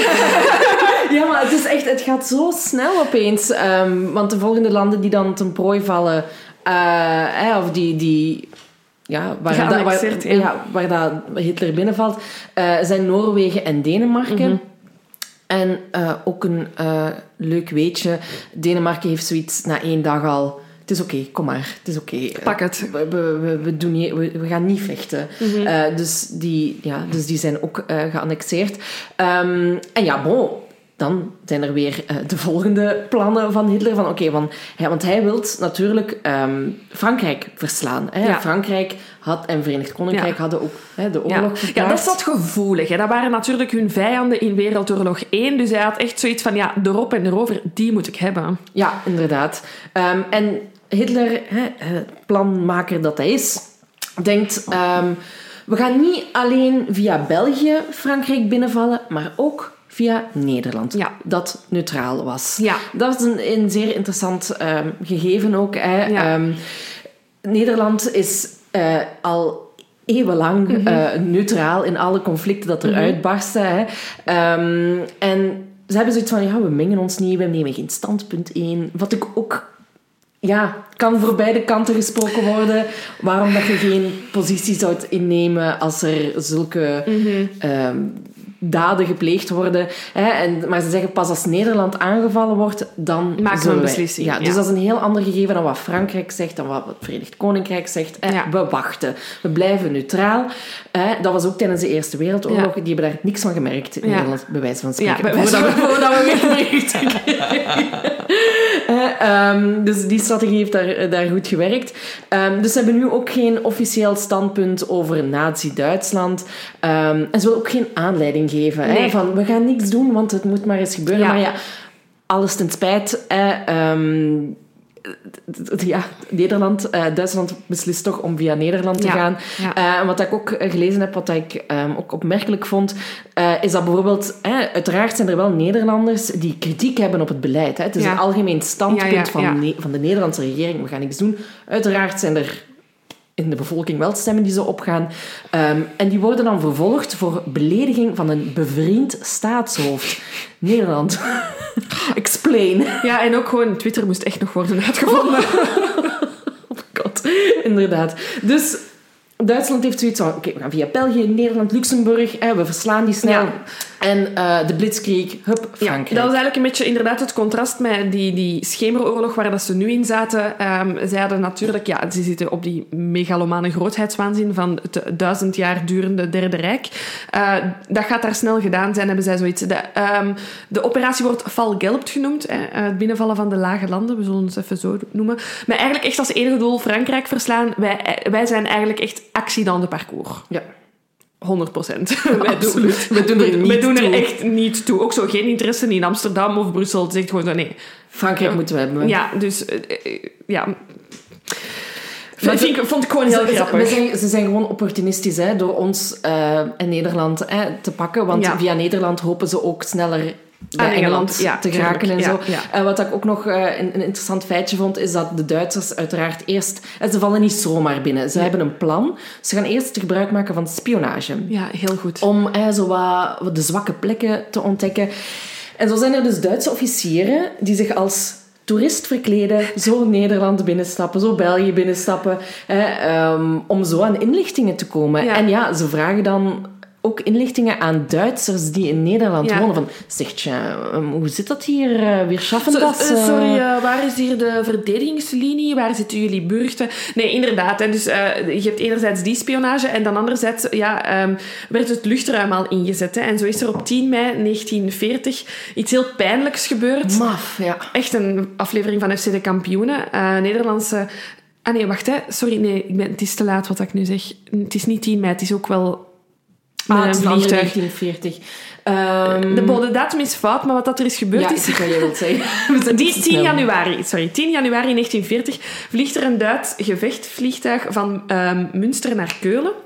En per ongeluk landt hij ehm, op Belgisch grondgebied. Het was heel mistig geweest. eh, die was in de problemen gekomen. Dus het vliegtuig eh, komt aan de grond. Ehm, en de Helmoet Reinberger was de piloot van dienst. Eh, ja, heel pijnlijk. Die man landt dus, weet niet waar hij is, ziet velden. En beseft ineens dat hij op Belgisch grondgebied is. Ehm, ja, hij wordt daar gearresteerd. Want ja, wat doe jij hier met een Duits gevechtsvliegtuig? En jammer genoeg voor de Helmoet had hij documenten bij met de details van de invasie die dat, er, die dat er zat aan te komen. Dus basically had hij de plannen mee van hoe dat er ja, België en Nederland ging worden binnengevallen om dan tot in Frankrijk te geraken. Dus Hitler heeft die plannen ja, moeten uitstellen. Waardoor België en Nederland wel wisten dat er iets zat aan te komen. Ja, Uiteraard exact. stond niet alles in die documenten. Allee, dat was geen uitgekiend plan, maar het was wel duidelijk uit die plannen dat er ja, een aanval zat aan te komen. Maar het zal dan uiteindelijk dus toch nog tot 10 mei duren eh, wanneer ze echt van start gaan. Ja, want er waren ook slechte weersomstandigheden, Ja, ja. waardoor dat ze af en toe de aanval hebben moeten, moeten uitstellen. Ehm, en we zijn dan inderdaad 10 mei 1940. En ehm, in Nederland zien ze eigenlijk ehm, bommenwerpers hè, van het Duitse leger richting de Noordzee vliegen. hè, dus ja. ze vliegen over. En ehm, ja, ja, die zullen op weg zijn naar het Verenigd Koninkrijk. Ja. Hè? Ah ja, waarom zouden die naar de zee vliegen? Wij doen er niet toe. Ze gaan dat gewoon over ons doen. Eh, chill, no problem. Eh, en dan opeens boven de zee maken die vliegtuigen een bocht van 180 graden en komen die recht op Nederland Dat is toch echt af. Final Destination. Maar je ziet dat, je zit een waarnemer in het leger en je denkt, ah ja, oké, goed. Allee, niks aan de hand. Ja. En dan zie je die terug op je afkomen. Echt de horror. Wat, wat doet je? Ja. Je bent verst- speechless. Ja, in ja, shock, ja. denk ik ook. En dan begint het, hè. Ja, dat ehm, is dus de, de blitzkrieg waar dat we zoveel schrik voor hadden en waar Hitler zich heel goed op heeft voorbereid. Eh, en het was voor hem echt de bedoeling erop en erover. Zo snel Ja. mogelijk de twee landen uitschakelen. En dat gebeurt eigenlijk al vijf dagen later. Hè. Ja. Rotterdam wordt zwaar gebombardeerd. Eh, daarbij geraken 80.000 mensen dakloos. Eh, tussen de 600 en 900 mensen sterven. En Nederland heeft zoiets van, oké, wij, wij kunnen dit niet aan. Dit, dit gaat niet. Dus op 15 mei geeft Nederland zich over. Want het, is, ja, het gaat gewoon niet. Ehm, nu, wat dat ze denken... Ze hebben gewoon niet op tijd kunnen ingrijpen, omdat ze natuurlijk van heel die neutraliteit Ja. uitgingen in Ja. Nederland. Hè? Ja. Ehm, waardoor dat ze eigenlijk geen goede tactiek hebben ontwikkeld. In samenwerking met, met Frankrijk of Engeland. Omdat ze dachten, ja, zolang wij niks doen, zal Ja. er ons niks gebeuren. Dan niet alleen, het is ook... ehm allee, voor Duitsland was het ook inderdaad, je komt net uit een oorlog, maar ook voor onze landen was dat zo. Ons leger, ja, is, ja ik ga niet zeggen gehalveerd, dat weet ik niet, maar er zijn heel veel gewonden gevallen, uit, uitputting. Mensen hebben ook na de Eerste Wereldoorlog gezegd, dit nooit meer, we gaan dit nooit meer doen ja, we hadden gewoon niet de middelen. Duitsland was gewoon al vier jaar ja, aan het voorbereiden, aan het voorbereiden en aan het preppen om gewoon ja, een oorlog te starten. Dat was denk ik in die end altijd het doel geweest. En onze landen waren daar, los van het feit dat, ons, ja, dat we misschien een beetje beter hadden kunnen voorbereid zijn, waren we gewoon niet klaar voor zo'n grootmacht te ontvangen. Ik wil gewoon nog even zeggen, maar dat is gewoon puur uit eigen interesse. Ehm, uh, dat uh, de koningin van Nederland... Ja. Uh, wacht, ik heb Wilhelmina? ja, Wilhelmina is moeten vluchten. Zij wou dat absoluut niet, maar ze hebben haar dan toch op een boot naar Engeland gezegd, gezet. Um, en de Nederlanders waren echt in shock, want die hadden zoiets van... Wow, waarom zijt je weg? Het is toch niet zo erg? Dit ja, want als, zij zoiets, als de koningin weggaat... ja, ja dat betekent wel iets. Ja, ja, ja. Um, dus in, in, in, eerste instantie was er heel veel kritiek op van Nederland dat hun, hun, hun, ja, hun kroon eigenlijk, het land was ontvlucht. Maar zij is blijkbaar een hele grote steun ge geweest. Zij heeft tijdens de oorlog Radio Oranje ja. Um, ja gepresenteerd, zeg maar. Hè. En zij gaf dus eigenlijk speeches uh, via de, vanuit Engeland um, op de radio voor haar onderdanen. En ze heeft zich ook altijd als een van de enige vorsten extreem hard uitgesproken tegen uh, het nazisme en uh, de concentratiekampen en alles wat er met de Joden is gebeurd. Ons koningshuis niet zeggen hè, op dat moment? Uh, dat, ik, mag ik het delen? Ik heb, ja, ja. Ik, ja, ik vind dat heel... Ik ben, dat is dan voor een andere podcast, maar I love het koningshuis. Allee, of alles wat er rond is. Mhm. Ja, in België is het een beetje anders gelopen. Ja. Leopold III uh, die zat in zijn paleis. Um, daar moesten ze hem uitsleuren. Hè. Dus onze regering was van, dude, bol af. Jij moet hier niet zijn. Hè neem de boot, zoals Wilhelmina. Um, maar Leopold III heeft geweigerd en um, hij heeft al lang onder het excuus uh, gehouden van ja, als vorst sta ik aan het hoofd mm -hmm. van het leger en zolang wij niet gevallen zijn, um, blijf ik hier. hij heeft dan ook eenzijdig beslist om te annexeren, met, allee, om, om, om zich over te geven hè, met zijn leger. En hij heeft dan gezegd van ik ben nu krijgsgevangene in mijn kasteel. Och, arm, dat moet echt verschrikkelijk geweest zijn. en hij heeft eigenlijk tijdens de oorlog echt vier pogingen ondernomen om Hitler te ontmoeten. Mm -hmm. Dus een kwestie van een site kiezen, dat was ook heel duidelijk. Er is achteraf over gezegd uh, dat hij ervan overtuigd was dat Nazi-Duitsland de oorlog ging winnen en dat hij dus zijn eigen aan het indekken was um, en ja, gewoon de juiste kant koos omdat hij gedwongen was om die kant te, kozen, uh, te kiezen. Uh, maar dat is uiteraard niet waar, denk ik. Um, ja, bon. Daar kan, ik, nog, daar, daar, daar kan ik nog veel over zeggen. Um, maar het ding is dat uiteindelijk na de oorlog aan het einde van de oorlog hij alsnog eens moeten vluchten. Ah ja, want hij had de kant van Nazi-Duitsland gekozen. En dan hebben wij Belgen zelfs... Um, is er een volksstemming geweest, hè, van mag de koning mm -hmm. terugkomen?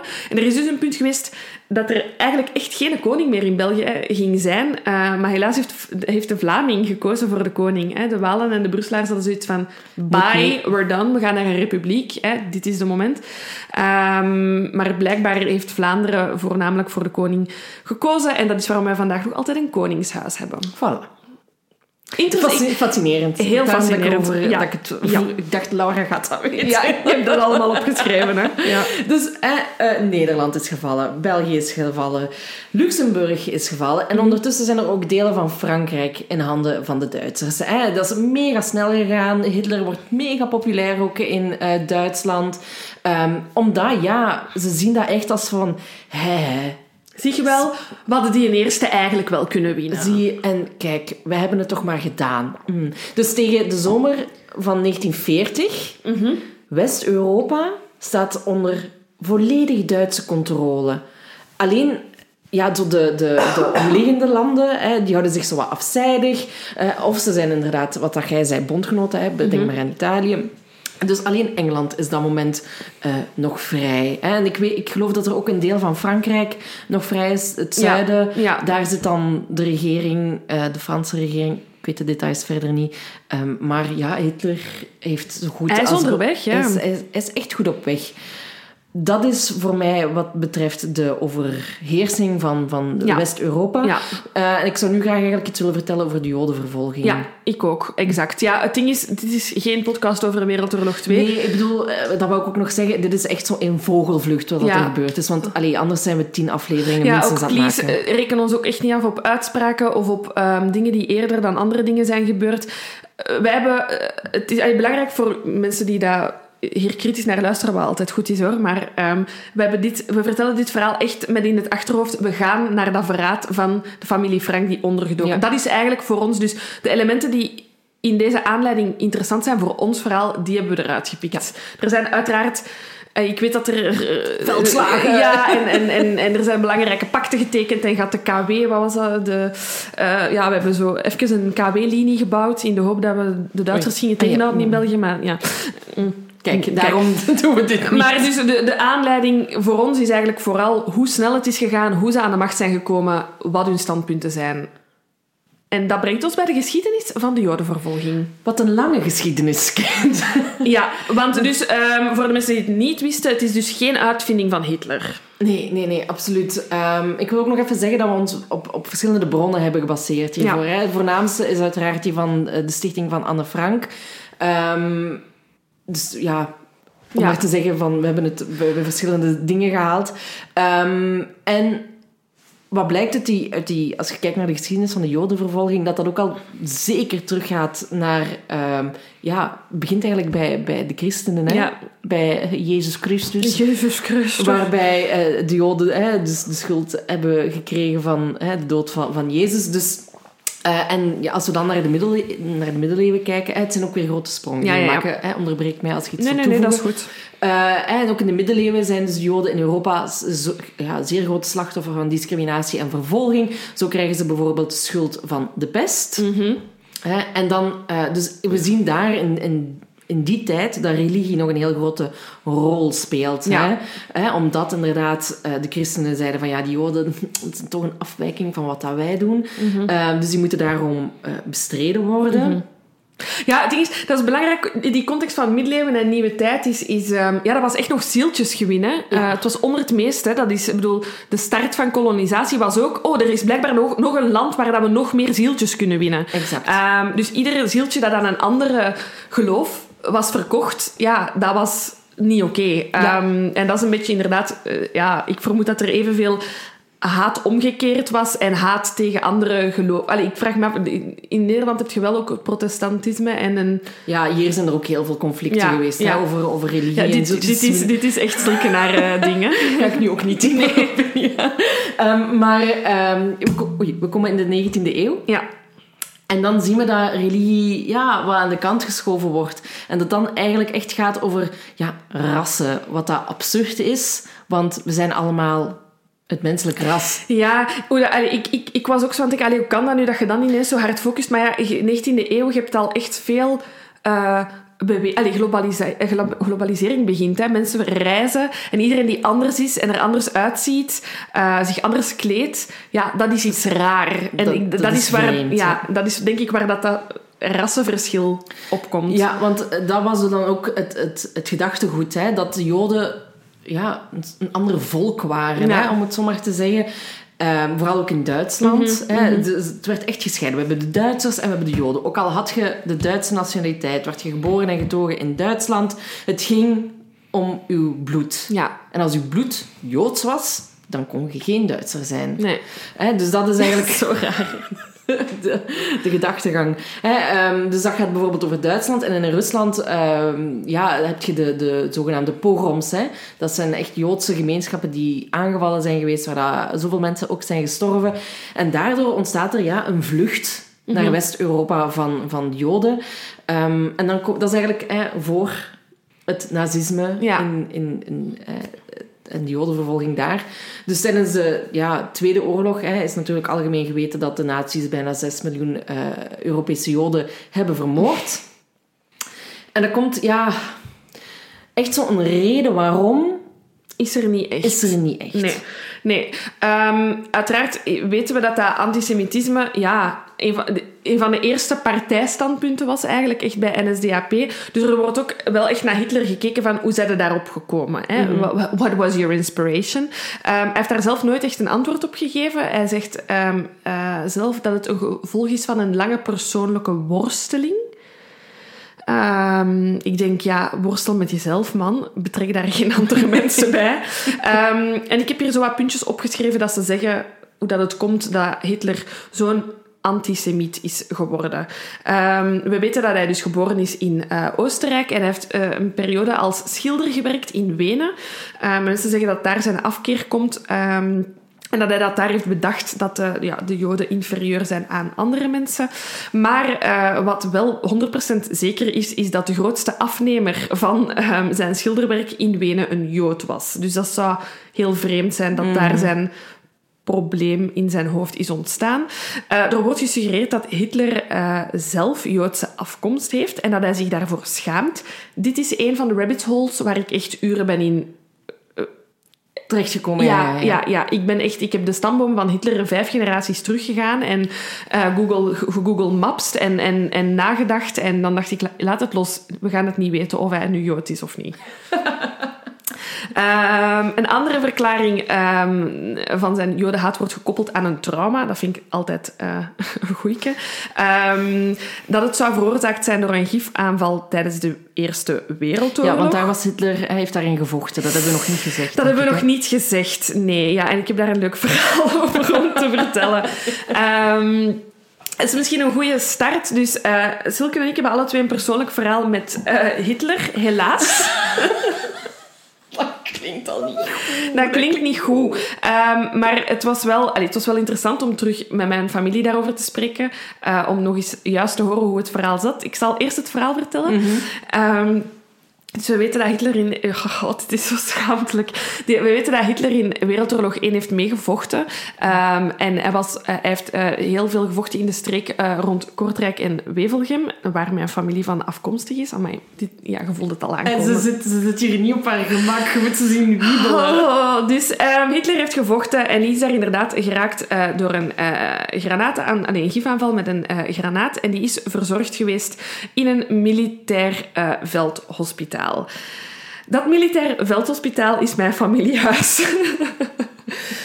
um, dus mijn familie uit uh, Wevelgem hier ben ik niet zeker van, dat zeg ik, anders kan ik s'nachts niet slapen, is uit hun huis gezet door de Duitsers. Ik weet dat Gebeurt ze daar, wel vaker, Ja, ik, ik, weet dat ze daar op dat moment niet waren in Wereldoorlog 1. Want een van de kinderen is geboren in Waals-Brabant tijdens de oorlog, dus ze waren niet in hun huis. Maar in ieder geval, dat huis is overgenomen door de Duitsers. Dat was een groot huis uh, en was dus ideaal als veldhospitaal. Um, ja, tijdens de Wereldoorlog zelf wist mijn familie van niks. Die zijn na de oorlog teruggegaan in dat huis en dan ineens is het Wereldoorlog 2. En tijdens de Tweede Wereldoorlog zijn er Duitsers komen aanbellen met een grote boeket bloemen nee. om te zeggen: Dank u wel uh, dat u het leven van onze Führer heeft gered.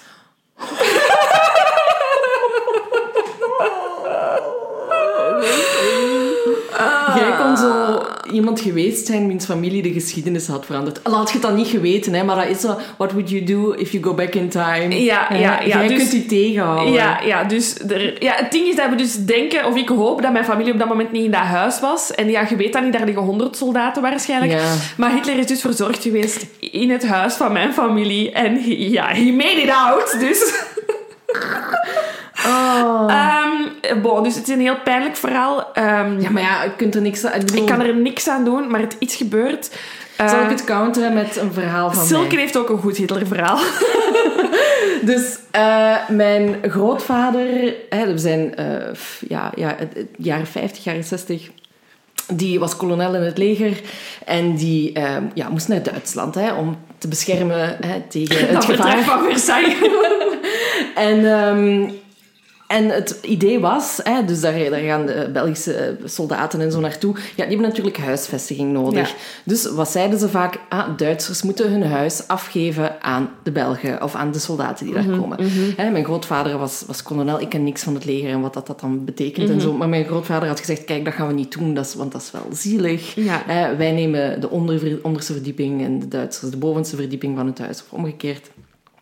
En die mensen waren zodanig dankbaar dat ze aan mijn grootvader om, dachten dat het een goed idee was om een exemplaar van Mein Kampf te geven met een handtekening in van Hitler. Zo, en wij hebben dat nog. Wij Ah. hebben, dat zit nog ergens in de familie, ligt dat boek. Ik heb het nog, ik heb het nog steeds niet gezien. Nee. Maar, uh, Ja, dat is nu ook niet echt iets waarmee dat je uitpakt of zo. nee, maar het idee dat die mensen dachten... Of ze dachten, wij willen hier vanaf. Ja. Please, pak het mee. Ja, Of, dat, of, of dat gedachtegoed nog aanhingen en dachten van... daar gaan ze blij mee zijn. Hier gaan ze blij mee zijn. Dus ja, ik weet dat dat heel lang bij mijn oma heeft, heeft gelegen. Die is dan overleden. En nu, dat boek zweeft nu ergens in de, in de familie. Dus ik moet nog eens een, een rondvraag doen. Want ik wil dat wel eens zien. Ik heb dat boek nog nooit... Allee, toekoor een exemplaar van, van Mein Kampf Mhm. gezien. Ehm, lijkt me heel fascinerend om dat toch eens Ja. te lezen. Of een poging te doen, Ja, maar ik wil dat ook wel eens zien. Gaan we dat samen dan eens bekijken? Dat is goed. Dan eh krijg je Nadat het. we mijn familiehuis zijn gaan bezoeken. Ja, wil ik... Ja. maar woont er nog familie van jullie nu? Eh, ik denk het niet. Ik denk het niet, want het is ook wel dus... ehm, het is de eh, eh, grootvader van mijn vader, hè? Ja. Die zijn huis. Dus dat is Nee, al- de grootvader van mijn gro- eh, grootvader. Ja, dus de bed... Ja, mijn Over- bed over Dat grootvader. gaat al een tijdje terug. hè? Ja, dus het, ik, ja, ik vermoed dat er nog een... een ehm, ik durf de familienaam niet zeggen. eh, woont, maar ik weet niet... Ik ben niet zeker. Ik ben niet We zeker. aanbellen. Maar het is wel een goed verhaal, hè?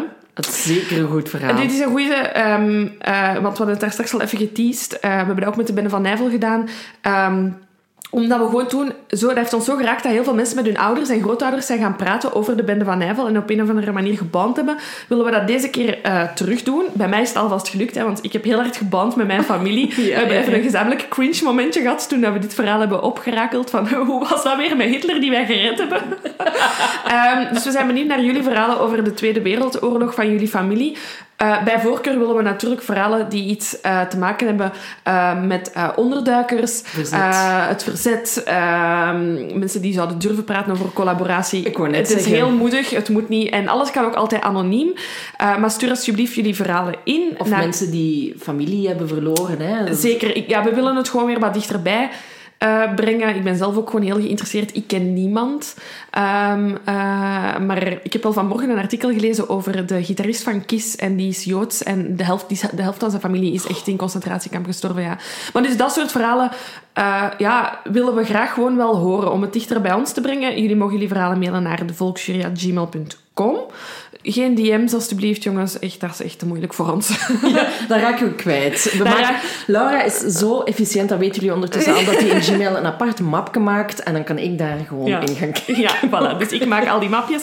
Dus eh, jullie hebben tot 1 februari om de verhalen in te sturen. Ehm, en dan gaan we de beste, interessantste, zotste ehm, selecteren. Weet dat we ze allemaal sowieso lezen.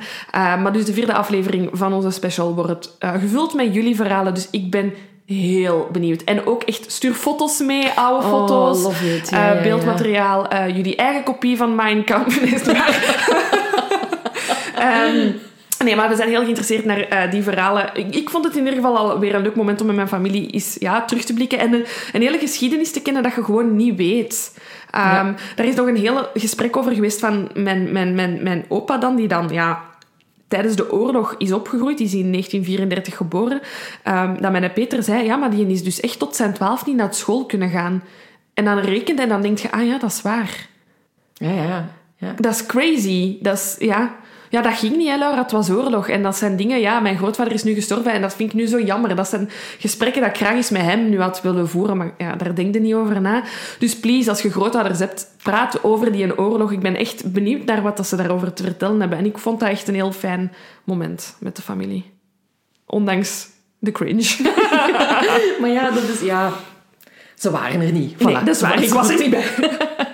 Dus eh, om ook maar te zeggen, hè, hij schrijft er ook al over in Mein Kampf, Ja. natuurlijk, hè, over zijn persoonlijke strijd. Ehm, wat dat, ja, dat antisemitisme heeft, heeft aangewakkerd en zo. Ehm, even kijken. Ja, Laura heeft nu al een paar theorieën inderdaad gezegd over waarom dat, dat was. Ik heb nog een interessante. Er is geen bewijs voor. Hij zou misschien ook een geslachtsziekte hebben opgelopen bij een Joodse eh, sekswerkster.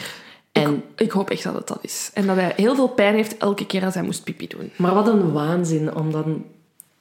Ja, dat is wat. Mm. Hij geeft in ieder geval de, de Joden de schuld van alles wat er mis is in de wereld. Hè? Zeker, ja. Ehm, hij zegt van ja, ons nazirijk is gewoon zwak door alle Joodse invloeden.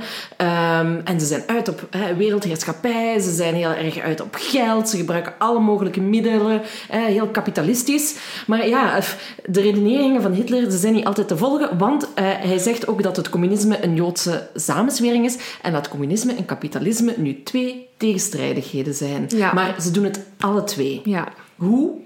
Weten we niet. Maar volgens Hitler zijn ze zowel eh, zwaar communistisch als zwaar kapitalistisch. Ehm, en ehm, ja, hij, hij, ziet het, hij blijft het dus zien als een soort van strijd tussen de volkeren. Hè? Je hebt die bloedlijnen die zuiver moeten zijn. Je hebt hoge en lage rassen, eh, zegt hij. Uiteraard zijn de Duitsers de hoge rassen en zijn de Joden de lagere rassen. Ehm, ook mensen die hij als waar minderwaardig beschouwt, zijn de Slavische mensen. Hij, die zegt, ja, de- destined to, eh, om overheerst te worden. Ja. Dat is gewoon Jullie vragen erom. Is- voorbestemd. ja, ja. Dat was het woord van de kaas.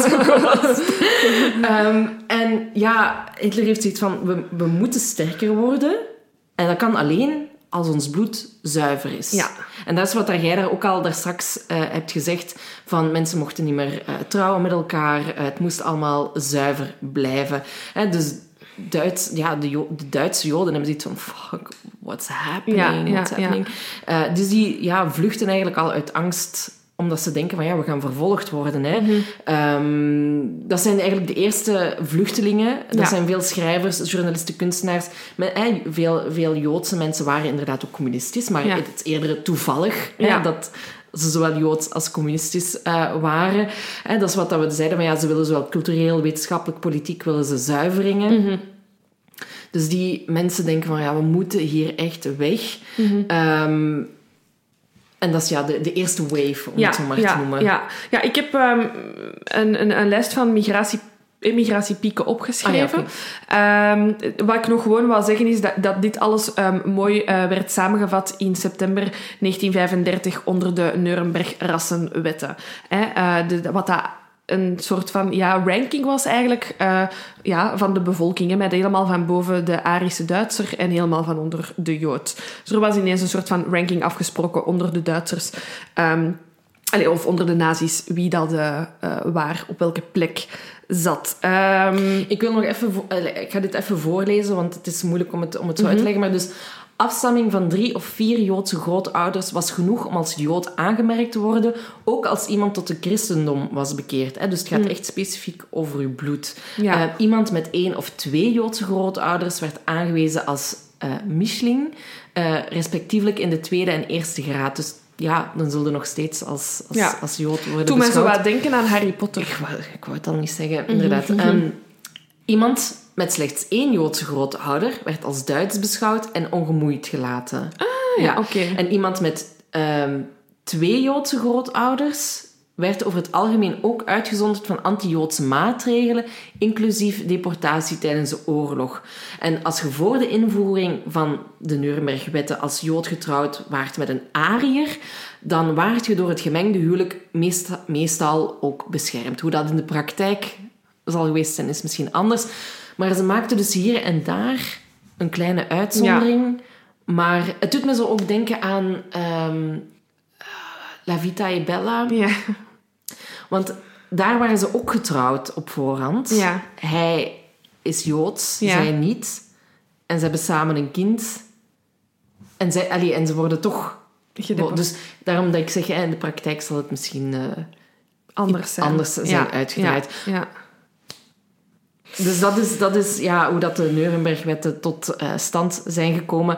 Ehm, en wat dat ook, ook wel interessant is, en ik weet ook niet of ik dat echt geloof, maar tot dan ehm, zouden Joden nog niet per se fysiek zijn aangevallen geweest.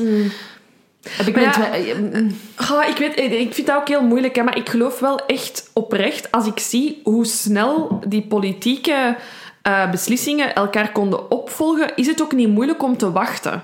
Want Ja. het, het, het, komt er toch aan. Het kwam, eh, wel ja, het was zo stap voor stap voor stap. Ik bedoel, als je op een jaar tijd zoveel kunt verwezenlijken in richting allee, antisemitisme, is het niet nodig om die fysiek pijn te doen. Want ik bedoel, je kwetst die mensen op andere manieren.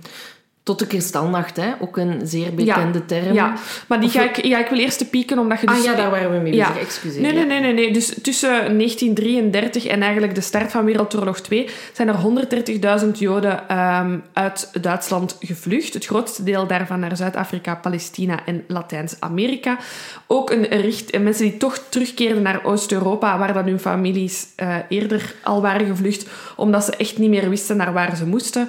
Ehm, veel mensen hadden als einddoel, ja, inderdaad, ehm, Latijns-Amerika, maar ook gewoon eh, Noord-Amerika, maar bleven dan vasthangen in Noord- en West-Europa, eh, omdat ze daar niet zijn eh, geraakt. De duidelijke pieken, de eerste is inderdaad die, die een boycott in 1933, waarbij dat Joods handelaars worden, alleen niet meer mogen um, werken. Dat is dan die eerste piek van zodra eigenlijk vanaf Hitler aan de macht komt tot die wet. Dus dat is de eerste maanden van 1933 hebben een eerste grote piek. Um, een, een, tweede grote piek is uh, die annexatie van Oostenrijk. Hè, waarbij dat er dan uiteraard ook ja, Oostenrijkse Joden zijn moeten vluchten. En de volgende grote piek is op 10 november 1938 en dat is de Kristalnacht. Yes. Wat is de kristalnacht? Dat is ook een heel bekende term. Hè? Ja. Um, dus eigenlijk, dat is ja, in het Duitse Rijk worden de bezittingen van alle Joden afgenomen door de nazi's. En ze worden ook effectief aangevallen. Sympathisanten ook. Um, die kristalnacht is georganiseerd, georganiseerd geweest door Jozef Goebbels, ook een zeer bekende naam. Uh, dat was op dat moment de propagandaminister, want ja, dat moet je dan hebben, een propagandaminister. Zeker. Uh, en hij, hij heeft die kristalnacht op zijn eigen houtje georganiseerd, omdat ja, er was een Duitse diplomaat aangevallen door een Joodse jongeman. Mm Meteen wraak. Wraak en ja, niet de minste. Hè. Um, er worden duizenden synagogen, winkels, scholen, begraafplaatsen, ziekenhuizen vernield, in brand gestoken. Er zijn 100 Joden vermoord en 30.000 mannen, Joodse mannen, naar concentratiekampen gestuurd. En het duurde natuurlijk niet lang uh, dat de overlijdensberichten vanuit die kampen ook terugkeerden. Uh, dus uh, ze zeggen altijd 100 Joden vermoord, maar ik vermoed dat er van die 30.000 ook niet veel meer in leven zullen zijn. En dat is allemaal op één nacht gebeurd. En, en het was op die nacht was ook voor de eerste keer dat er uh, alleen vanwege uw afkomst, ja. hè, of uw ras, Uw zogenaamd, bloed. uw bloed, uh, mensen werden opgesloten. Mm -hmm. Dus het is, allee, ja. ja, dat is eigenlijk echt zo. Allee, er, er, er sluimel, sluimerde al veel, maar dit is echt, ja, dit is echt boiling point. Ja, dit is het, het hoogtepunt ja, eigenlijk. En om even een paar cijfers te geven over die. Um, over het aantal vluchtelingen. Hè. Er waren uh, in 1933 waren er in Duitsland 523.000 Joden. En in oktober 1941 um, waren er nog 163.000 over.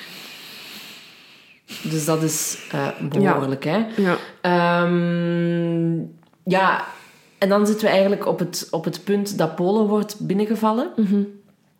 En dan zitten ze, ja, ze kunnen niet meer weg, de Joden. Hè. Um, ze hebben eigenlijk al, de nazi's hebben al plannen bedacht om Joden uit de bezette gebieden, hè, denk maar aan Oostenrijk, Polen, België, Nederland Mhm. mm -hmm. en zo verder, om die dan eigenlijk ja, af te voeren naar zogenaamde reservaten in Polen. Of um, ja, ze, willen, hè, ze hebben een niet-aanvalspakte met de Sovjet-Unie, Mhm. maar uit, uiteraard houden ze zich daar niet aan. En ze denken van ja, hè, we vallen die ook aan en dan zullen we ze daarna, de Joden, naar daar sturen.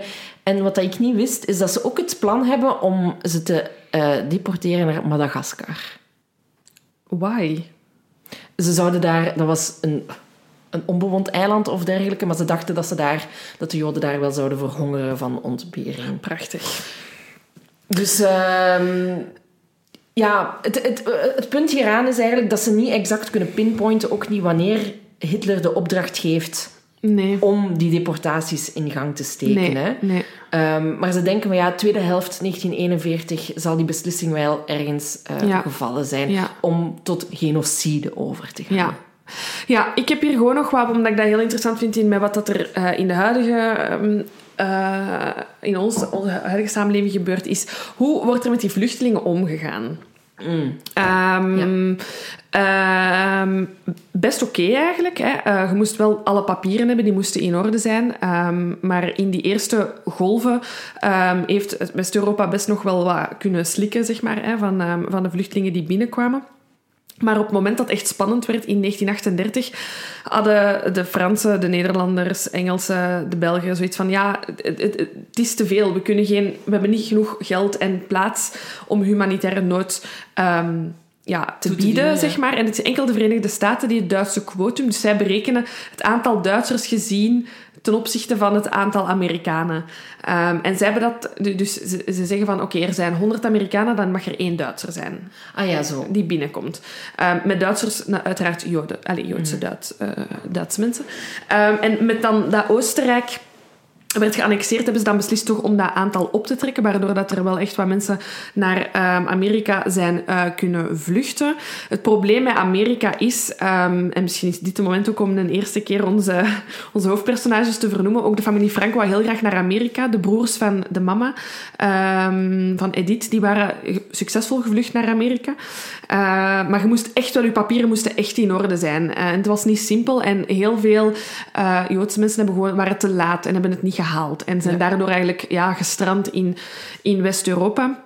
En op het meeste kritische moment um, voelde, voelde West-Europa dat, het, ja, dat, dat het te moeilijk was eigenlijk om iedereen um, ja, te ja, evacueren, zeg maar. En zijn ze gestart met kindertransporten. Uh, er vertrokken 10.000 kinderen naar Groot-Brittannië zonder hun ouders. Die werden daar dan opgevangen. Um, in Nederland zijn er 2000 kinderen die zonder hun ouders um, ja, onderdak hebben gekregen eigenlijk. Um, en net op het einde van de, van de eh, op het einde, ja, bij de start van de Tweede Wereldoorlog zijn er nog eens 20.000 kinderen die het land hebben kunnen verlaten, maar waarvan dat ze niet weten naar waar dat ze zijn gegaan. Maar dus net voor de oorlog eh, besliste Joodse families al om enkel hun kind te redden. Waanzin. Ja, ik, ik, heb het al tien keer gezegd, denk ik. Um, ik wil nog even um, verder over, die, over de concentratiekampen. Mm -hmm. hè, want uh, ja, het is onmogelijk door de oorlog om mensen naar Madagaskar te deporteren. Die middelen hebben ze dan echt, niet. Sorry, duizend jaar gaat mijn rijk bestaan. We stoppen die mensen in Madagaskar. Waar, waar, allee, dat er niemand zoiets had van doet. Ja, er scheelt iets met u. En uh, ja, op, uh, met de Sovjet-Unie gaat het ook niet helemaal goed. Die, nee. Daar uh, stuiten ze toch ook op meer weerstand dan ze verwacht hadden. Dus ja, naar daar kunnen ook geen mensen gedeporteerd worden. Um, en dan, ja, daardoor komen ze eigenlijk tot de conclusie van ja, volkerenmoord is gewoon de enige optie. De enige optie wat dat we kunnen doen. En dan worden er inderdaad die vernietigingskampen gebouwd. Mm -hmm. hè? Dus ze zouden wel gedeporteerd worden en zouden daar dan in werkkampen gezet worden, mm -hmm. veronderstel ik. Maar nu spreken ze echt van vernietigingskampen. Um, dus ja, in het midden van 1942 beginnen ook de deportaties naar die vernietigingskampen. Hè? Een van de bekendste is natuurlijk Auschwitz-Birkenau. Um, uit Nederland worden daar 104.000 Joden weggevoerd. Um, in België en Frankrijk zouden die cijfers uh, iets lager liggen. Maar alsnog... Ja. ja. Um, ik wil nog iets zeggen over het bestuur. Ja. Uh, dus de, we hebben al gezegd, koningin Wilhelmina vluchtte naar Engeland. De regeringen in, in Nederland en België gingen sowieso ook in ballingschap. Uh, in Nederland uh, werd er een civiel bezettingsbestuur opgesteld. Dat, uh, dan stond er in het artikel, dat werd gekenmerkt door een sterke invloed van fanatieke nazi's en de SS. Omdat de Duitsers de Nederlanders beschouwden als een Germaans broedervolk. Mm. En bij de Belgen was dat niet het geval. Oh, waarom niet? Nee, daar, ja, ik denk dat wij iets te... Gallisch. Gallisch, Bourgondisch mm. waren. Dus er kwam wel een Duits militair bestuur onder leiding van generaals, maar niet zo fanatiek als ah, okay. in Nederland. Ik weet niet of dat mij blij of ongelukkig maakt. Ja, het is zo... Is, is, is het een belediging of niet? Ja, ja, ja. ja. dat inderdaad. Um, en um, ja, zowel in Nederland als in België, hè, we hebben ze al besproken wat dat er in Duitsland gebeurde, hoe, welke wetten er aan bod kwamen wanneer Joden werden uitgesloten. In België en in Nederland begon dat zowel in oktober en november 1940 werden de eerste anti-Joodse wetten en maatregelen uitgevaardigd. En wat dat ook uh, interessant is, dat er een organisatie, zowel in mm -hmm. België als in Nederland, werd opgericht. Uh, de, de Joodse Raad worden die genoemd.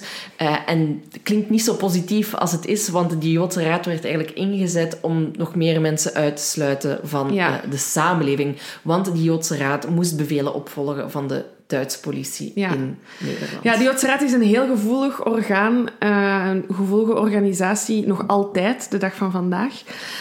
Um, omdat het, aan het hoofd van de Joodse Raad stonden Joodse mm -hmm. rabbijnen.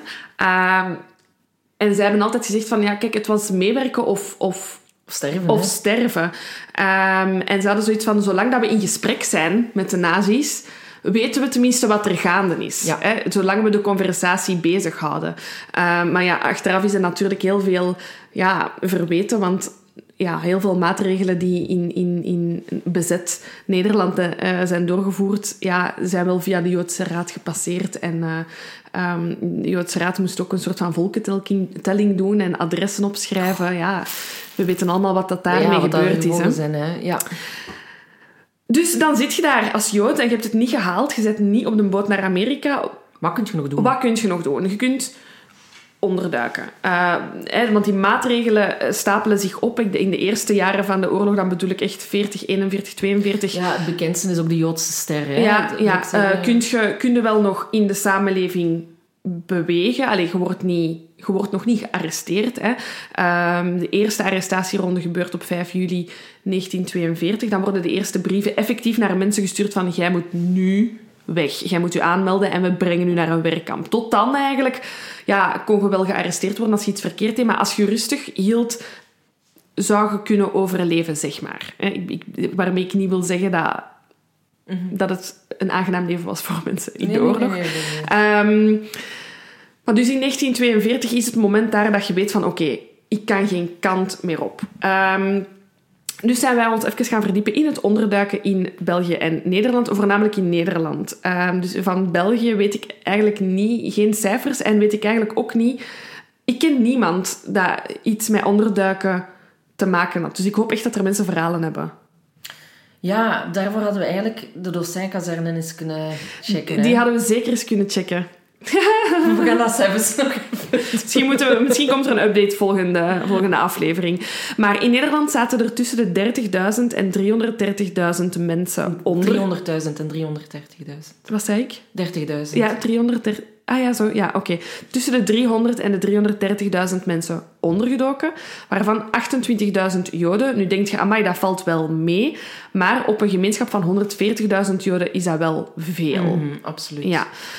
Um, die eerste oproep, 5 juli 1942, zijn duizend Joden um, die een oproepbrief krijgen en die heet um, Werkverruiming in Duitsland. Je ruikt toch al van ver dat dat niet kan kloppen. Nee, en dat wist iedereen ook ja. wel. Hè. Maar dat is eigenlijk de fase waarin dat we zijn overgegaan van identificatie, waar inderdaad het dragen van een jodenster aangaf van jij bent een jood, naar isolatie, waarbij dat je dus mensen hebt die niet meer in winkels binnen mogen, bepaalde dingen niet. De ghetto's ook, denk ja, ik. Ja, uh, en nu kom je echt op dat eindpunt, namelijk die deportatie. Hè. Daar zijn we nu aan aangebroken.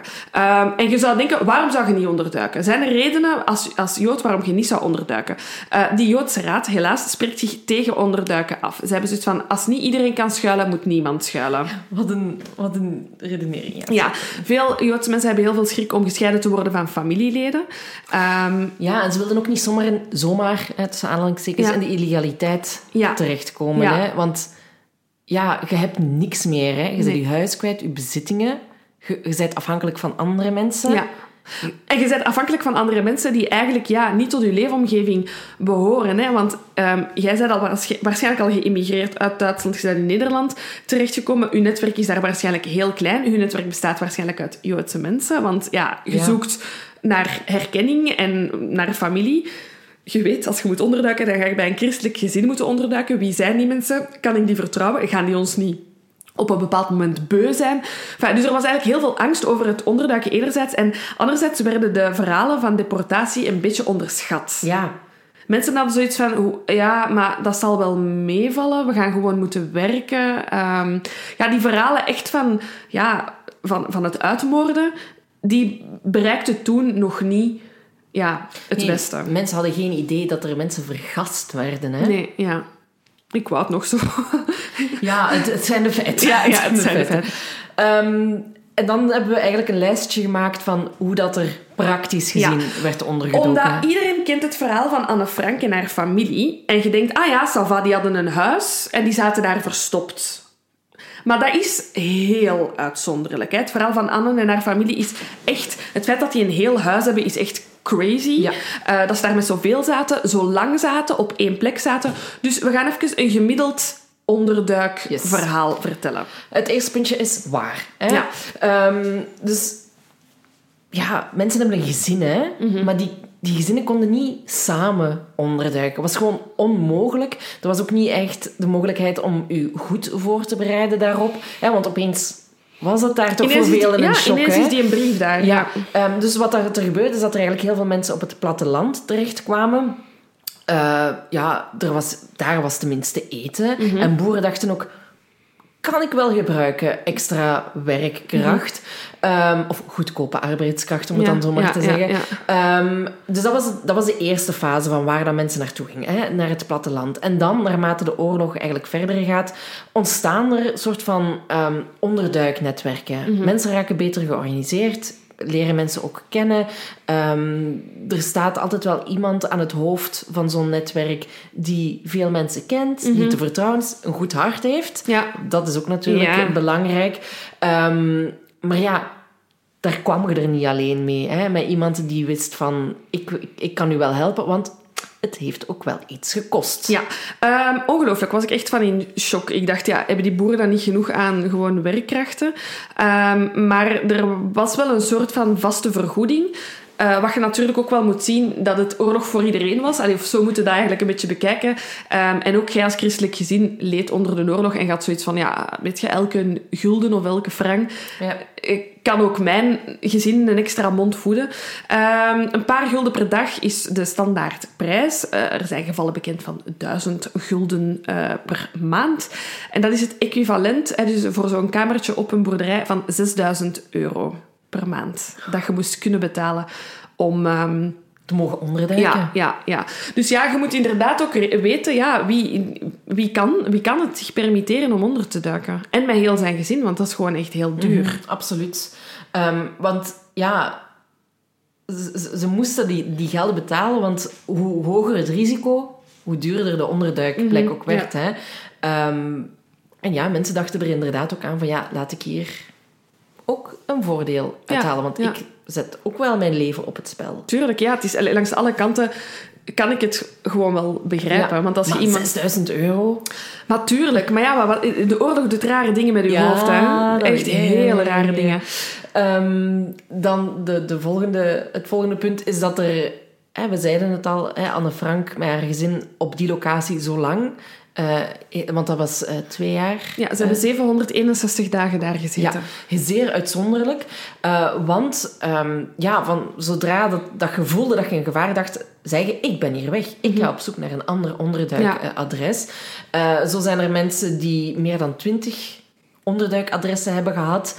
Eh, mensen die er zelfs 42 hebben gehad. Begin maar eens hè, om het allemaal te vinden. Mensen die u steunen daarin. Er moet echt een heel netwerk zijn. Ja. Ehm, en wat ook weten is van de Joodse kinderen, die werden niet bij één gezin ondergebracht, Nee. maar ook bij, die verplaatsten zich ook om de zoveel tijd. Als er maar, nog maar enig gevoel was van, "Mm, dit, ga, dit is te gevaarlijk, dan worden, werden die onmiddellijk eh, verplaatst. En dat zou ook berekend zijn op een verplaatsing van 4,5 keer. Ja. Ehm, ja, het onderduiken, hoe dat wij dat ook on- voor ons zien. Allee, ik als kind toch zeker, dat was echt... Je zat opgesloten en je deed de deur toe en je kwam niet meer eh, buiten.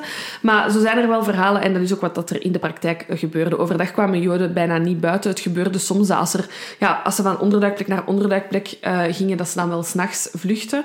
Eh, maar er zijn dus ook verhalen van Joden die dat... Love ja, it. ja, echt love it. Die gewoon zoiets hadden van... Hoe opvallender ik het doe, hoe minder kans, wordt, de kans is dat ik, dat ik ga gepakt worden. Dus had je de Joodse schrijver Hans Kilson, die zat bij een christelijk gezin in Delft ondergedoken. Die ging regelmatig een wandelingsknop op straat doen. Die sprak mensen aan, babbeltje doen.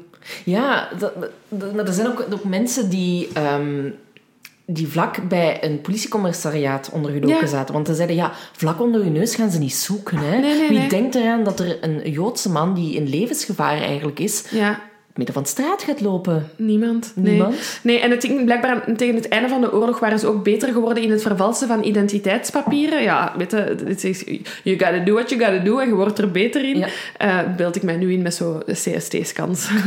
dat mensen daar nu ook al beter in zijn in dat te vervalsen. Ehm, ja, dus, dus je had dan een vals identificatiebewijs, dus dan kon je gewoon out in the open wel een keer eh, buiten komen. Dus dat vond ik, vond ik wel boldly. Zo van, Ja, ja, ja. Maar ja, bon, natuurlijk eh, heel veel nadelen. Ja. Ehm, ik som er een paar op. Ja, er was honger. Mhm. hè. Eh, er was weinig eten sowieso voor, voor iedereen. Laat staan dat je ondergedoken bent, afhankelijk bent van andere mensen. Het is ook mentaal uitputtend. Hè. Je zit daar op een kamertje, je komt niet buiten, geen frisse lucht, ehm, te wachten, bang te zijn. Ik denk dat dat nog het, gro- de, het grootste nadeel was, om het Ja, dan zo maar te ja, noemen. Die, je leefde in constante angst. We kunnen ons dan niet voorstellen Nee. in wat voor angst dat, je, dat die mensen hebben moeten leven. Dus dat is totaal mentaal kapot gaan. Al eenzaam, mensen die van hun gezin gescheiden werden. Mhm. Veel wantrouwen. Want ja, je weet het toch maar nooit, hè? Dat iemand die je 6000 euro hebt betaald... Sorry, dat blijft Ja, hangen. ja. Die, eh, die dan toch beslist van ja, ik heb het eigenlijk gehad. Ik krijg meer geld van de SS, bij wijze van spreken om u aan te geven. om u aan te geven, inderdaad. Heel veel van die kinderen, van die Joodse kinderen, jij zei het al, kwamen in christelijke gezinnen terecht. Die mensen hebben, christenen hebben totaal andere tradities Mhm. dan Joodse mensen. Ja, begin er maar eens aan. Ja. Hè. Je komt in een totaal vreemde wereld terecht.